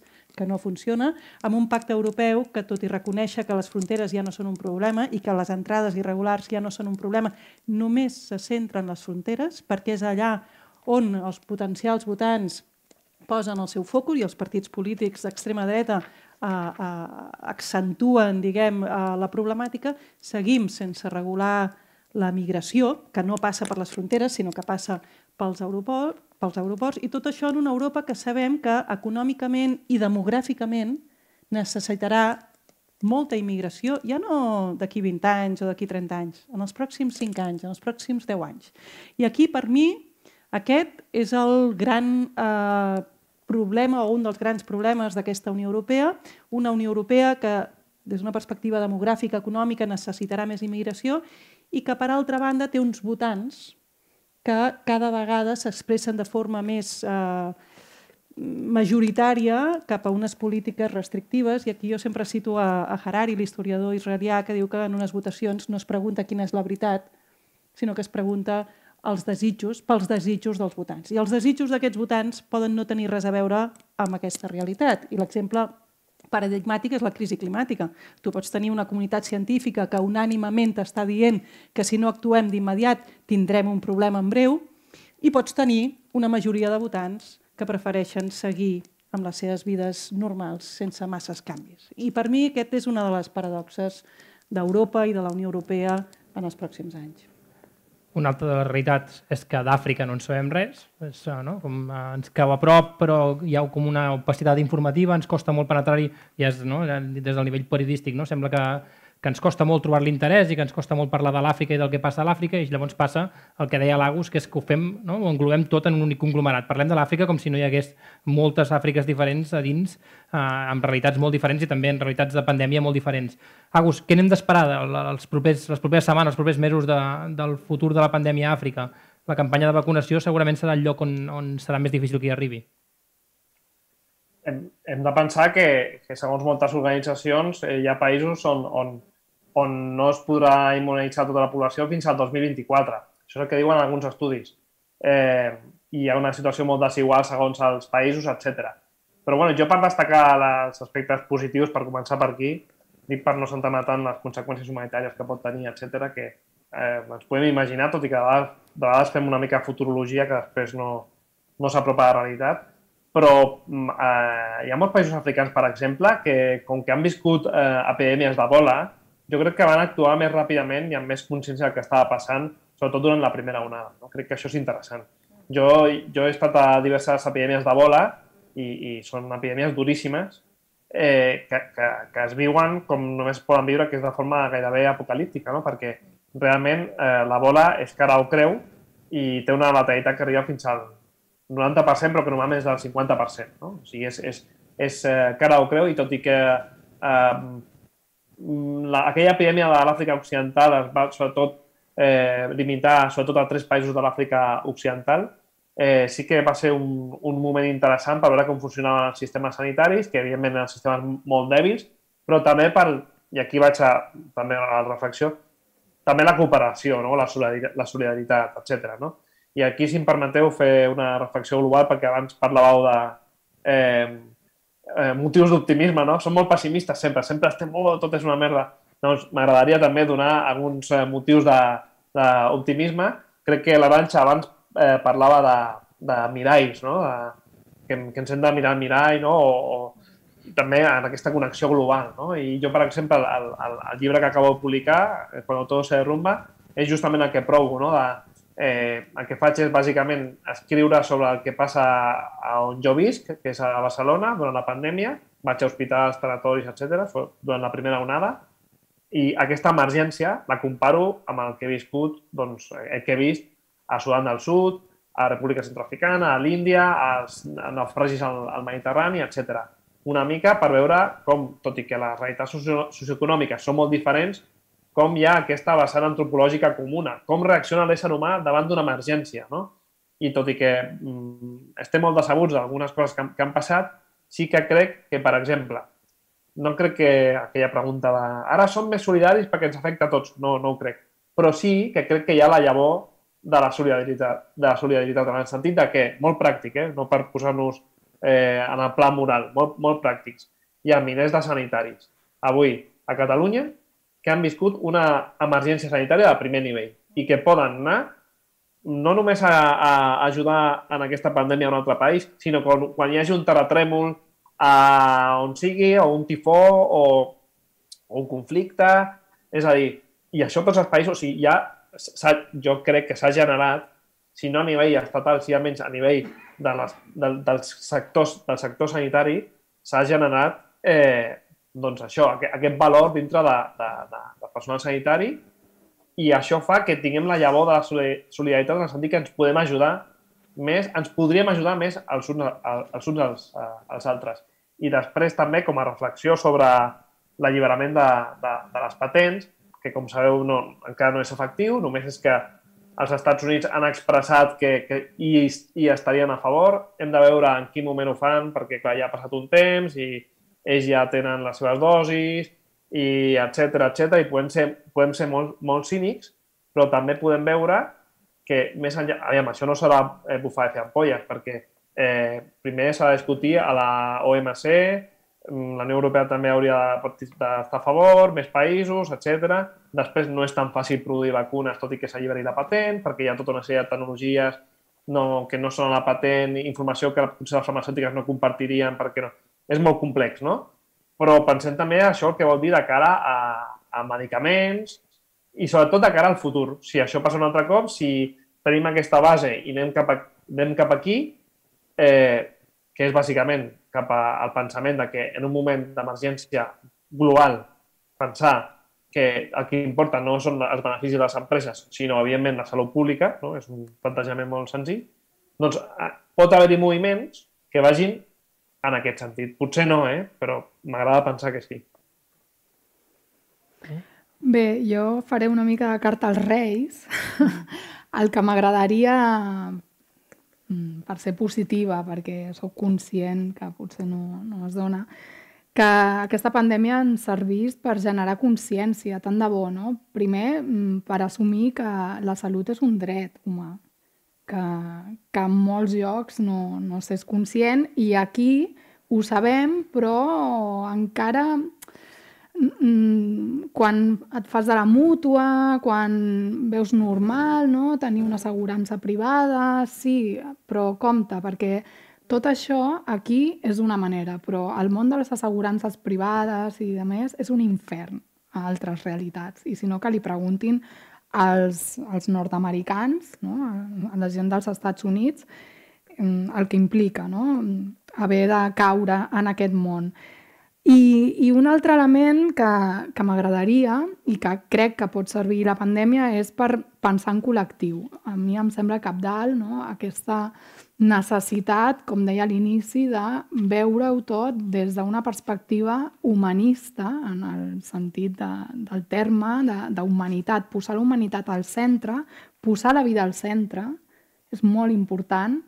Sense vida no hi ha guany si ens fan triar entre vida, mm, salut i economia, és una disjuntiva errònia, perquè si no hi ha salut, si no hi ha vida, no pot haver-hi economia. O sigui, mm, una cosa no pot anar sense l'altra, però tampoc podem oblidar que l'economia la fan les persones i que els treballadors han de tenir drets no? I, i que els treballadors es poden morir i no són objectes substituïbles. Potser des d'una perspectiva empresarial o d'una lògica d'un sistema que deshumanitza, sí, però no hauria de ser així.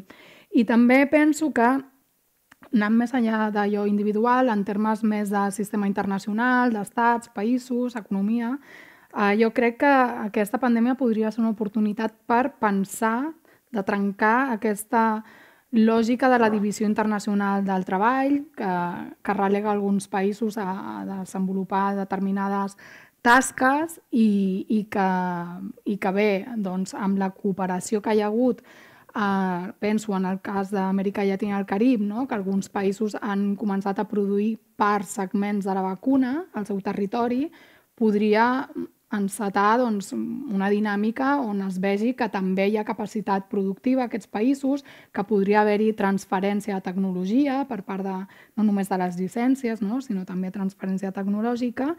I per altra banda, i amb això ja concloc, el tema de la cooperació sud-sud, no? veure com els països del sud han tingut iniciatives per donar resposta a la pandèmia que alguns països del nord no han tingut perquè estaven pensant més en una lògica pròpia, sí, cooperant via COVAX, però des d'una lògica d'assistencialisme que no deixa de mm, reproduir aquestes dinàmiques de jo, mm, centre, et dono a tu, no? pobres al món, però continuo sent el privilegiat i vosaltres us heu de conformar amb el que jo decideixo que vosaltres podeu tenir, aleshores que els països del sud puguin pensar que també tenen eh, capacitat de proposar coses, de fer aliances sud-sud, que pensem que l'Índia ja s'ha dit, no? que és, és una potència, és el primer país del món, si no m'equivoco, en producció de, de vacunes, no? i això no sap, amb paradoxes com, com el que està passant, però bé, i que això ens porti també a una necessària democratització del sistema internacional, que em sembla que cada cop és més evident que aquesta jerarquia existent, que és producte d'un moment històric, d'una victòria a la Segona Guerra Mundial i una distribució del món, que responia a una realitat molt concreta, ha canviat. Ja no estem en, en el món de la Guerra Freda, per molt que hi hagi discursos que ens, que ens porten, no? ens recorden a, a aquesta lògica bipolar de confrontació, però que, que ens hem de relacionar els estats, les persones, el món, en altra lògica més de cooperació i no pas de competició, perquè el que ens estem jugant, i potser sona molt naïf o molt, eh, no sé, utòpic, però és que jo crec que no ens adonem que ens estem jugant no només la vida humana, sinó també el planeta, no? I, i no sé, abans deia la Blanca el tema de l'economia verda, que, que ja és un element a l'agenda, que també compta no? amb aquests discursos, s'hauria d'haver, dic, des de, des de l'elit, perquè les elits del món s'han adonat que s'han de, fer, de fer canvis, per això estan parlant del gran reset i tal. Però crec que, que el que queda molt palès amb la pandèmia, i potser la pandèmia ho accelera, és que hi ha moltes coses que estan fent aigües de com hem muntat la nostra societat, el nostre sistema econòmic, i que hem de respondre i no hem de respondre amb el mateix que estàvem fent servir perquè no serveix, perquè és el que ens ha portat a aquest punt. Hem de canviar el xip. I, i, I això per mi és positiu, perquè ens fa pensar que hi ha un horitzó de possibilitat i de canvi i transformació. Ara tancarà la Blanca. Si algú té alguna pregunta, té algun comentari a fer, és el moment d'anar-se dibuixant en ment, perquè anem a fer l'última intervenció. Sí, gràcies, Albert. Jo volia insistir en aquesta idea de, de la crisi com a oportunitat, no? que tant l'Agus com l'Aranxa han posat de manifest molt clarament, i efectivament tota crisi obre un ventall de possibilitats. Eh, tota crisi al final acaba actuant com una bifurcació, un moment en què eh, de forma concreta i limitada en el temps s'obren tota una sèrie de, tot un horitzó de noves possibilitats que poc després s'acaben tancant en una direcció o altra, en un reforçar totes aquestes tendències que comentàvem fins ara o obrint altres formes de, eh, de, plantejar, de plantejar la vida, de plantejar el món. I jo en aquest sentit, en aquesta idea de bifurcació, jo crec que hi ha que ja s'han dit, eh? però voldria insistir en una sèrie de temes que són fonamentals. En primer lloc, la relació entre el públic i el privat. No? I ho parlaves abans amb les mútues. Evidentment, amb el context de pandèmia s'ha tornat molt a la idea de la importància de la sanitat pública o la importància de l'Estat que intervé en l'economia. amb aquests fons de recuperació, amb una inversió també en el cas dels Estats Units que no s'havia donat, per exemple, amb la crisi eh, del 2007. Per tant, aquí podríem dir per un costat que hi ha un retorn de l'Estat, d'aquest Estat que intervé també en l'econòmic, però a la vegada també veiem derives i replegaments cap a lo privat. No? L'altre dia, per exemple, a Madrid, que es deia que sortia la notícia de que havia augmentat les inscripcions en mútues privades. No? Doncs aquí veiem una primera qüestió. L'altra qüestió que jo també crec que es posa en evidència en aquesta crisi vista com a oportunitat o com a finestra que obre un ventall de possibilitats, seria la relació entre el treball eh, indispensable eh, pel manteniment de la vida, el que es diria des de l'economia feminista, i després tot aquell treball superflu pel manteniment de la vida, però necessari pel manteniment del capitalisme. I aquí hi ha una altra bifurcació, una altra relació a pensar o a repensar en aquest context de crisi. Després, l'altra relació fonamental és el nosaltres-ells.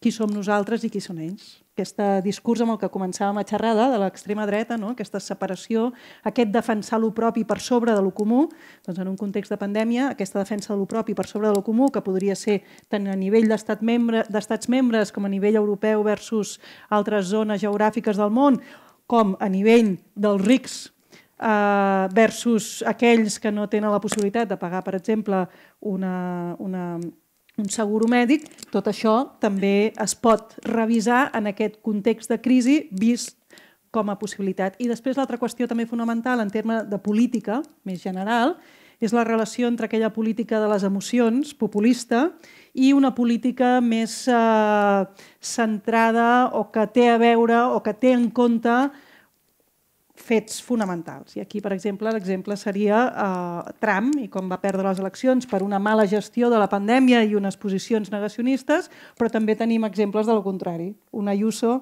que després d'una gestió eh, nefasta amb un número de morts eh, molt per sobre que altres comunitats acaba arrasant en les següents eleccions autonòmiques. Per tant, per mi són bifurcacions, són relacions que es posen en, eh, en qüestió i, per tant, obren noves possibilitats en aquest context de crisi i que jo crec, i tornant a el que deia al principi, que segurament veurem una mica de tot. Una mica d'això i una mica del contrari en aquestes relacions que apuntava.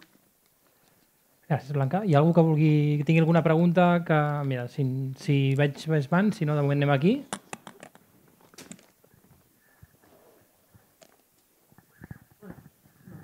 Ens sentim? No. A veure... Em sentiu bé? Ara sí, ara sí, sí, perfecte. Moltes gràcies per la vostra xerrada. Bueno, he après molt, he après notes i ja venia preparada. Uh, els fons europeus diu que es diuen Next Generation perquè els pagaran els nostres nets. O sigui, potser estem xutant la llauna, perquè veurem a qui arriben, a més a més.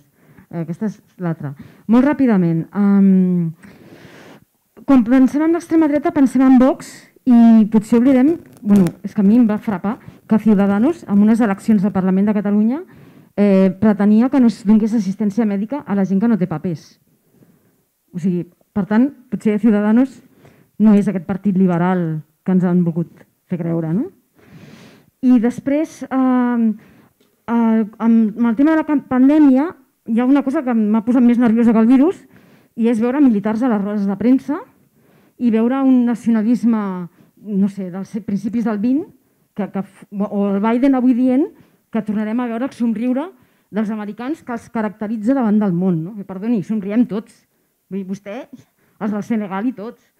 I aquest, aquest nacionalisme que es pos, no sé si l'heu vist, ja està. Vol començar? Sí, Blanca? Uh, sí, comencem. Uh, sí, molt d'acord amb tot el que has dit.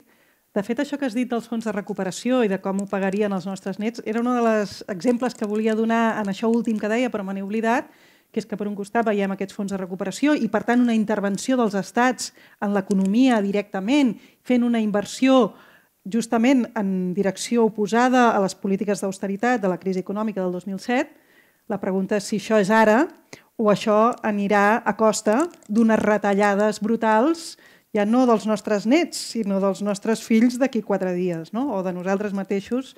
De fet, a, a, fa uns dies estava en una xerrada al Palau Macaia, parlàvem de dones migrades i una de les que intervenien era la Carmen Juárez, que és una activista eh, defensora dels drets laborals de les dones eh, que treballen, migrades que treballen al sector de les cures, i ella deia que en el 2060 gran part de la població, o una part importantíssima de la població espanyola seria major de 80 anys. I deia, qui cuidarà? Qui ens cuidarà uh, aleshores? No? I llavors posava en evidència aquesta economia informal precària que té, òbviament, un impacte en, en, al final en aquesta economia tan essencial pel manteniment de la vida i tan invisibilitzada, malpagada i maltractada. No? Sobre el de Ciutadans, absolutament, tu deies, bueno, no són tan liberals com ens pensaven o com volien fer-nos pensar. És que aquest és, és uh, la posició de la majoria de partits liberals europeus. I abans deia que teníem mitja vida a Holanda. És que els liberals europeus, el centre, els partits de centre, fa temps que tenen aquest discurs, no? que és aquest discurs de cadascú té el seu lloc i, i paga per les conseqüències. No? Uh, que passa que aquí és veritat que aquest discurs no havia arribat fins fa poc. Uh, el tema de la immigració encara era un tema bastant, bastant tabú, però això és importantíssim perquè sovint, i els mitjans de comunicació ho fan molt, no faig així per acusar en tant que representant dels mitjans de comunicació, sembla que el gran eh, el gran llop, el gran monstre sigui l'extrema dreta. No, no. La, el problema és la naturalització de certs discursos i l'apropiació d'aquests discursos inicialment, no necessàriament, però moltes vegades inicialment, per l'extrema dreta, per lo que són els partits de centre i els partits mainstream, i ja no de centre, partits socialistes eh, per, per nom, diguem, eh, sovint al centre i nord d'Europa tenen un discurs molt anti-immigració. I no només anti-immigració, perquè ara de sobte està pensant en Macron, no només anti-immigració, sinó de confrontació cap a qualsevol diferència cultural, tota la eh, creuada contra l'islam a França. És que pensem que la majoria de, de musulmans a Europa són europeus nacionals de diverses generacions i estem muntant o estan muntant una creuada tremenda que si segueix així, ja em sap greu dir-ho, eh, perquè volíem acabar d'una manera més positiva, però no la creuada contra els musulmans i l'islam a França és que ratlla l'inici d'una guerra civil. I aquí no estem parlant d'estrangers o de migrants que han d'arribar, estem parlant de nacionals.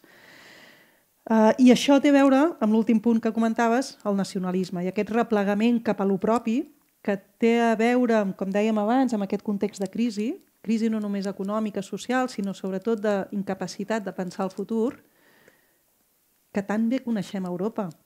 El segle XX. Mm, acabar d'una manera una mica més proactiva. Jo crec que aquí, per exemple, l'esquerra s'ha equivocat molt. En el tema de la immigració, en el tema de, la, de les discussions sobre seguretat, part de l'èxit de l'extrema dreta i part de l'èxit d'aquests discursos en la majoria dels partits tradicionals té a veure amb una omissió eh, per part de lo que serien els moviments socials, ja no només l'esquerra política en tant que força política, sinó dels moviments socials sobre aquests temes. Per tant, tenim molt a fer. Jo, si em permets una resposta sobre els ciutadans, l'extrema dreta és com la matèria, al final, que no es crea ni es destrueix, sinó que es transforma. Uh mhm. -huh. no? I al final, aquests 11 diputats que de sobte apareixen al tauler polític de Vox no és que surtin ara com un bolet, sinó que ja hi eren, no? estaven camuflats d'una altra manera i una de les grans forces que ha tingut l'extrema dreta, fins ara extraparlamentària, era no tenir representació parlamentària però condicionar les polítiques i els discursos de partits que sí que els tenien. No? I, i no oblidem que, que les eleccions del 21 de desembre del 2017 tota l'extrema dreta extraparlamentària més, més radical, no? des del moviment social republicà, Espanya 2000, Democràcia Nacional, decideixen no presentar-se i demanen explícitament el vot per Ciutadans. Uh -huh dir que al final no és que, no? No és que, que de sobte ara aquí ens hagi aparegut un problema que és l'extrema dreta de Vox, sinó que segurament tot això ja hi era, però vehiculava a través d'altres partits com Ciutadans. Sí, estan d'acord en això que, que esteu comentant. Voldria afegir una cosa que és que em sembla que s'ha mitificat una mica el liberalisme, perquè sembla que el liberalisme és positiu, però no. Ho sento. Per mi, el liberalisme que degenera en el neoliberalisme és l'arrel de que algú pugui dir mm, uh, si no tens papers no tens assistència sanitària. Perquè quin és el discurs del liberalisme? El discurs del liberalisme és el discurs que fa néixer el capitalisme. I el capitalisme és individualisme extrem. Més extrem o més, menys extrem en funció si tenim un estat més social o no, en funció de què, del que deia abans, d'una correlació de forces, de com la classe treballadora ha aconseguit en el marc d'aquest sistema eh, assolir una sèrie de, de drets, però que això, a priori, mm, no és una cosa que et regala ningú. Aleshores, compte, no? Perquè mm, estem mm, visquent moments que recorden efectivament a d'altres dècades del segle XX, on s'està movent l'eix dreta-esquerra tant cap al centre-dreta que l'esquerra, bé, no sé, el discurs del Partit Socialista dels anys 80 avui dia seria titllat de, no sé, comunisme o no comunisme, que ara sembla que una visió del món que és egoista, individualista, que posa per sobre el mercat a altres aspectes, és positiva per les persones que tenim una sensibilitat d'esquerres, jo crec que no. I el perill i el problema és que tenim una esquerra que ha assumit aquest discurs, també, com deia la Blanca, o que no s'atreveix a parlar de, de temes delicats als barris, no? el tema de la seguretat, el tema d'immigració, que no els ha de tractar a compte des de la perspectiva que ho fa la dreta. No, no, no hem de confondre, no? perquè també ara hi ha aquest debat sobre si els que han votat a la Ayuso, als barris obrers, se'ls ha de renyar o no, si, si, perquè hi ha hagut algunes declaracions, o, o s'ha d'entendre per què hi ha gent de, de barris obrers, no? parlo d'això perquè és el meu origen, que, que vota l'ultradreta o vota el PP, que també és ultradreta, o Ciutadans, que, que també té elements d'ultradreta, òbviament. No? Uh, és que el que no s'ha de fer és mm, dir, com la classe treballadora està comprant aquests discursos xenòfobs, certs sectors, òbviament jo no estic dient eh, que sigui perquè la classe treballadora principalment i majoritàriament encara vota a l'esquerra. Però, com hi ha sectors de la classe treballadora a la qual aquesta esquerra no li interpel·la i no li dona resposta de la seva realitat, ara hem de dir que té raó i hem d'assumir el seu discurs i llavors tots ens anem cap a la dreta fins que arriba un dia en què acabem amb un camp de concentració i diguem, ai, mira, bueno, els CIEs, que són? Mm, salvant les distàncies, no? I estem normalitzant coses que no són normals. Mm, i, I això està, insisteixo, a l'arrel d'un discurs hegemònic que costa menys de detectar, de detectar perdó, però que per això mateix és més perillós. Perquè la ultradreta de Vox, de Ciutadans, aquí, no? però fora de Catalunya molta gent té la visió que Ciutadans és, és, és com el centre liberal no? i tal.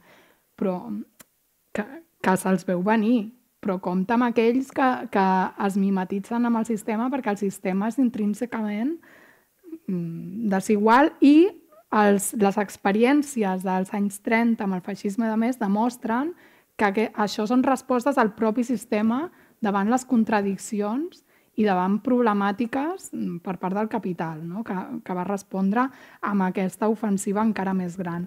I sobre el tema de, de bueno, un comentari del militarisme i, i els discursos nacionalistes, xovinistes, o l'autoritarisme, que també ha estat tot, tot un debat no? de si alguns estats com la Xina havien respost millor a la pandèmia per l'autoritarisme, si la democràcia és és incompatible amb tenir una bona resposta a la pandèmia, no entraré en això. Evidentment, hi ha una visió mm, de guerra no? que, que s'ha denunciat al llarg del confinament. Molta gent deia és que aquí els militars, aquí eh, la lluita, la guerra... Perquè, mm, clar, pensem, qui alertava sobre aquests temes de la possibilitat d'una pandèmia? Els analistes militars el món militar, tot això, o sigui, fa anàlisis geopolítiques, fa prospectiva i, eh, en certa manera, no deixa de ser un cos de funcionaris, si volem veure escèpticament, el que passa és que, clar, aquí a l'Estat tenim mm, la història que tenim amb els militars, òbviament, però no deixa de ser un cos de funcionaris que poden ser eficients en un determinat moment i es van donar debats mm, amb ajuntaments, fins i tot amb presència de gent de la CUP, que mm, bé, doncs, van demanar o van acceptar que vingués l'exèrcit espanyol perquè s'havia d'atendre una situació dramàtica, urgent, excepcional, i, i tot el discurs i tot el que simbolitza l'exèrcit espanyol doncs, es va deixar de banda.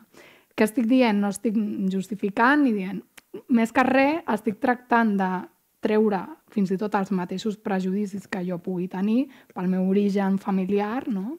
com a neta d'un republicà, um, i veure que els exèrcits um, són com un got. Pots ficar dintre un contingut o un altre. Pensem el que és l'exèrcit a països um, socialistes o el paper que pot tenir un exèrcit sota un govern que mm, té un tarannà ideològic diferent. No? I penso en casos d'Amèrica Llatina on hi ha una tradició de militars progressistes i fins i tot revolucionaris que, que costa d'entendre perquè també hi ha una tradició de militars colpistes d'ultradreta que han desaparegut persones i són feixistes, etc. No? Però, però que el fet de, per si, mm, ser militar Bé, entenc no? que, que hi ha aquest rebuig i, i que, evidentment, no hauríem de normalitzar tampoc les guerres i, i les agressions, i tant de bo visquéssim un món on no calguessin els exèrcits i tal, però el que és evident és que en un món amb jerarquies de poder i amb poders que, que ataquen eh, els febles, com estem veient ara mateix a, a Israel i Palestina, doncs sempre hi haurà exèrcits i, i manera de respondre per la via violenta, vulguem o no. Si no hi ha cap més pregunta... Sí, aquí davant. Sí, bé, de, primer agrair-vos moltíssim la, la conversa perquè podríem no acabar mai perquè aquests temes són importants i eh, jo, jo el que us volia plantejar també en clau de d'intentar ser no optimistes, sinó, com, com dèiem en el, en el debat del primer dia, uh, ingenus, no? que potser és la paraula. Um, jo crec que hi ha dues tendències que, que estan anant a superar una mica um, aquest, aquest, aquesta visió esbiaixada de les relacions internacionals i de les maneres que hem tingut de relacionar-nos, sobretot entre la gent jove, que són l'ecologia i el feminisme, no? i que penso que precisament per aquí probablement podem trobar algunes vies interessants de futur. Eh, el que em fa una mica de, de por, per una banda, és eh, que aquesta ecologia i aquest feminisme acabin caiguent en els formats convencionals i tradicionals, com va passar malauradament amb el 15M, que ara celebrem 10 anys, no? és a dir, que, que allò que es veu com a possibilitat de canvi acabi sent absorbit també pel sistema.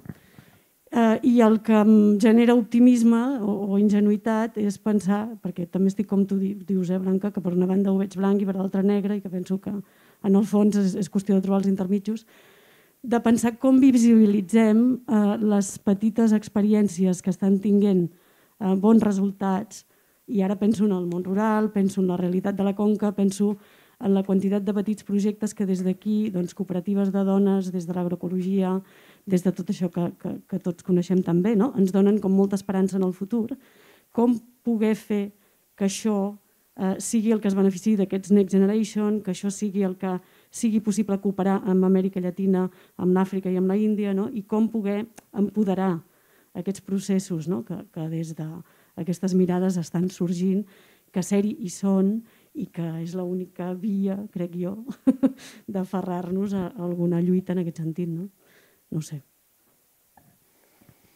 Jo, jo estic absolutament d'acord i crec que l'esperança està justament aquí, molt més que en el Next Generation i en, en, en fi, en, en esperar que l'Estat eh, retorni en aquells àmbits en els quals eh, s'ha anat retraient en els últims anys. Jo crec que l'esperança està en aquestes en aquest anar creant espais diferents eh, des de baix, en cada un dels nostres pobles, ciutats, carrers, barris, en cada un dels àmbits, i en aquest sentit no ho hem dit, eh, i tampoc és el meu tema, diguem, d'estudi, però durant la pandèmia hem vist coses fantàstiques, ja no només del treball dels sociosanitaris, que per exemple l'Agus i els seus companys de, eh, 5W ho han posat en evidència molt clarament, sinó també del, del, dels barris que s'han organitzat, la gent que anava a portar el menjar a la gent gran. Bueno, tot això és, és, és increïble no? I, i això ho hem, ho hem anat veient tant en la crisi econòmica del 2007 com ara en el context de pandèmia. I jo crec que en aquest sentit la qüestió és anar-nos anar articulant, és a dir, que no siguin espais aïllats, sinó que ens, niguem, ens anem eh, creuant, com ens hem creuat eh, avui aquí, per anar creant unes aliances que ens portin més enllà de l'espai de cada un de, de nosaltres. Jo crec que l'esperança està aquí i quan em pregunten eh, sobre aquest tema o sobre una certa llum i, i futur en el tema que jo treballo, que és de les migracions, jo crec que l'esperança està allà, perquè si ens pensem en les polítiques migratòries europees, la veritat és que molt optimistes no podem ser, o més aviat no ens queda altra que ser molt pessimistes. Per tant, quan la pregunta és, és dir, vale, molt bé, i què podem fer? Doncs podem fer això, organitzar-nos, eh, eh, denunciar-ho, eh, portar-ho a, a judici. Eh, I jo crec que organitzant-nos arribarem molt més lluny del que, del que a vegades pensem. Sí. Ahir veia, de fet, unes imatges de Glasgow, d'un sí, barri, I tant. on es van organitzar per evitar una deportació d'uns veïns estrangers i coincideixo completament amb el que has dit, tu, Blanca, mm -hmm. i el que plantejaves. Uh, com deia abans l'Aus, no? aquestes llavors que s'estan posant, jo crec que pa parteixen de, de la base. No? I per això jo crec que lo important és crear espais de trobada. Espais de trobada entre aquells que d'altra manera no es trobarien. No? Que és el que més hem perdut també amb tota la pandèmia. Exacte, i és justament, i d'aquí de nou veiem les dinàmiques eh, contràries donant-se al mateix temps. I, per exemple, amb el tema de la immigració, és claríssim. Si aquests veïns que van sortir a aturar aquesta detenció seguida d'una deportació no els haguessin conegut i no s'hi haguessin trobat en l'espai escolar, en l'espai d'associacions eh, veïnals, etc etc, segurament és que ni s'hi haguessin fixat. I el mateix amb els desnonaments. Mm -hmm. També tot el moviment antidesnonament.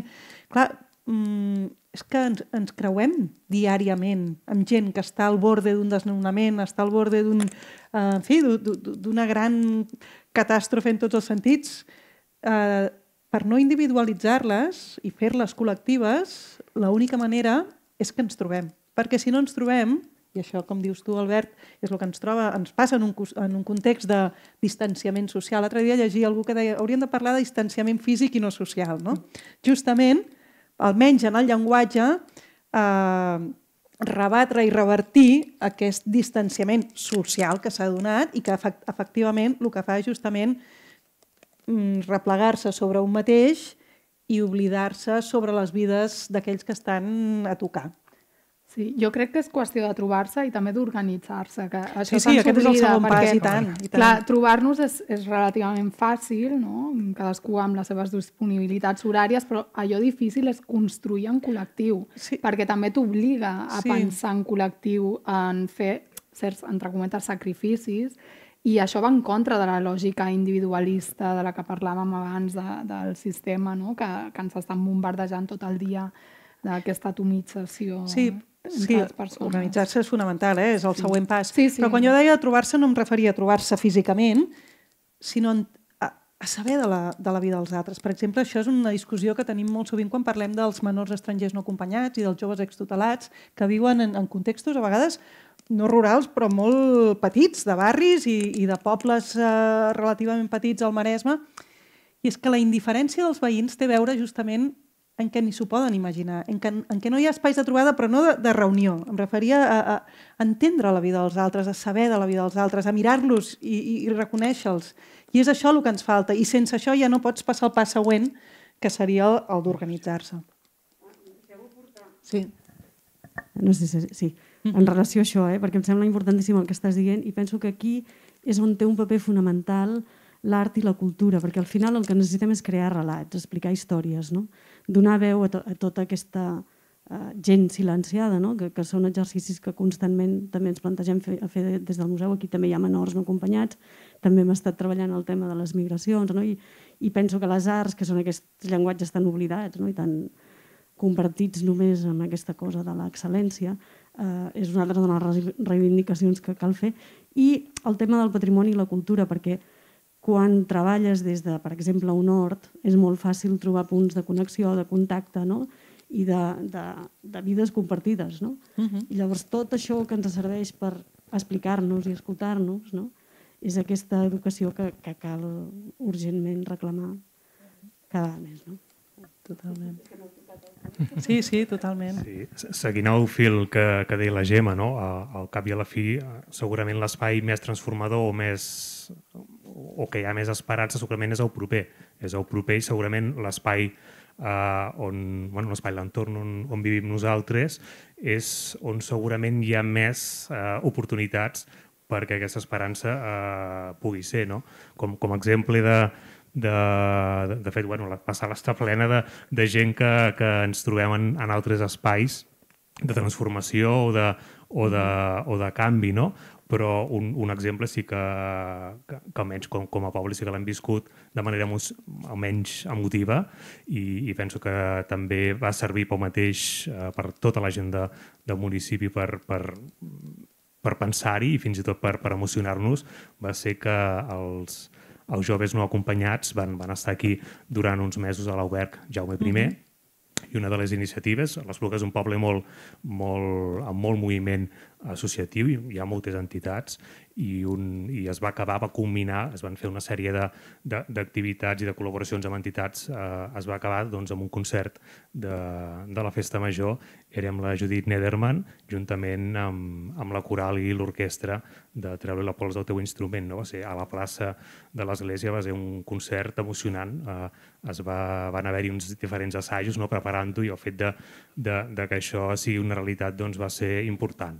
Que, que, és, que és la part més, més esperançadora de, de tot plegat. No? Uh -huh. I una cosa que sí que us volia agrair, eh, el sentit, deu ser la primera vegada que he sentit parlar del, del coronavirus i que no m'he avorrit, perquè cada vegada que sento parlar del coronavirus és bastant, bastant avorrit, però però sí que m'afegeixo això i sobretot hi ha una preocupació, penso que, que el relat aquest de, de la dreta, eh, jo no dic extrema dreta ni liberals, jo penso que és, que és la dreta en general, eh, l'esquerra no l'està aturant, no està aturant els peus en, en aquests missatges que jo penso que són, estan canviant completament la base de, del que la convivència, almenys fins ara, com la teníem entesa. L'esquerra no està aturant uh, aquest, uh, aquest canvi de paradigma, no està guanyant la batalla del, mar, del marc mental, el que deia també el, el George Lakoff, no? quan, quan parla de, de com l'esquerra es, es reorganitza als Estats Units, doncs té molta raó. Aquí la batalla del marc mental no l'està guanyant l'esquerra, l'està guanyant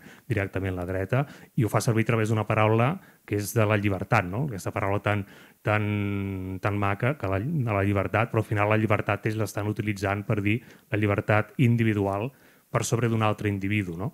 En canvi, quan, quan l'esquerra hauria d'insistir en que la llibertat és aquella cosa compartida, és aquella lluita en, en el mateix nivell compartit per aconseguir la llibertat real, no? i no aquesta llibertat individual d'una sola persona per sobre d'una altra que això és el que ens estan venent ara mateix amb aquests lemes a, a, a Madrid, sobretot, però a Madrid perquè ha passat ara i, i el tema ha sigut aquest, no? Però mm, això també mm, fa pensar que al final eh, els grans debats que hem sentit eh, entorn del coronavirus, de la pandèmia, no està tant en la vessant de, de què implicava en l'àmbit sanitari, en l'àmbit emocional, en l'àmbit de, de més humà de, de, la, de la pandèmia, on hi ha hagut la gran, la gran destrucció, que això no es pot recuperar de cap manera. En canvi, ha sigut eh, sobreposat amb l'àmbit eh, econòmic. No? L'àmbit econòmic ha pesat molt. El debat era més a veure si havíem d'estar quatre o cinc en una terrassa, o fora, o dins, o no sé com, que no pas realment que era la pandèmia i això també em feia com preocupar, no? de dir, ostres, mm, de debò que estem uh, discutint-nos o havent debats de, de si bueno, mesures que no són, comple són completament incomprensibles, no? aquestes mesures, però penso que el debat s'ha anat com, com es esbiaixant en, en coses que realment no eren de, de fons ni, ni de contingut ni, ni del que realment estàvem parlant. Absolutament d'acord. Puc? Molt curtet i tanquem. Molt, curt.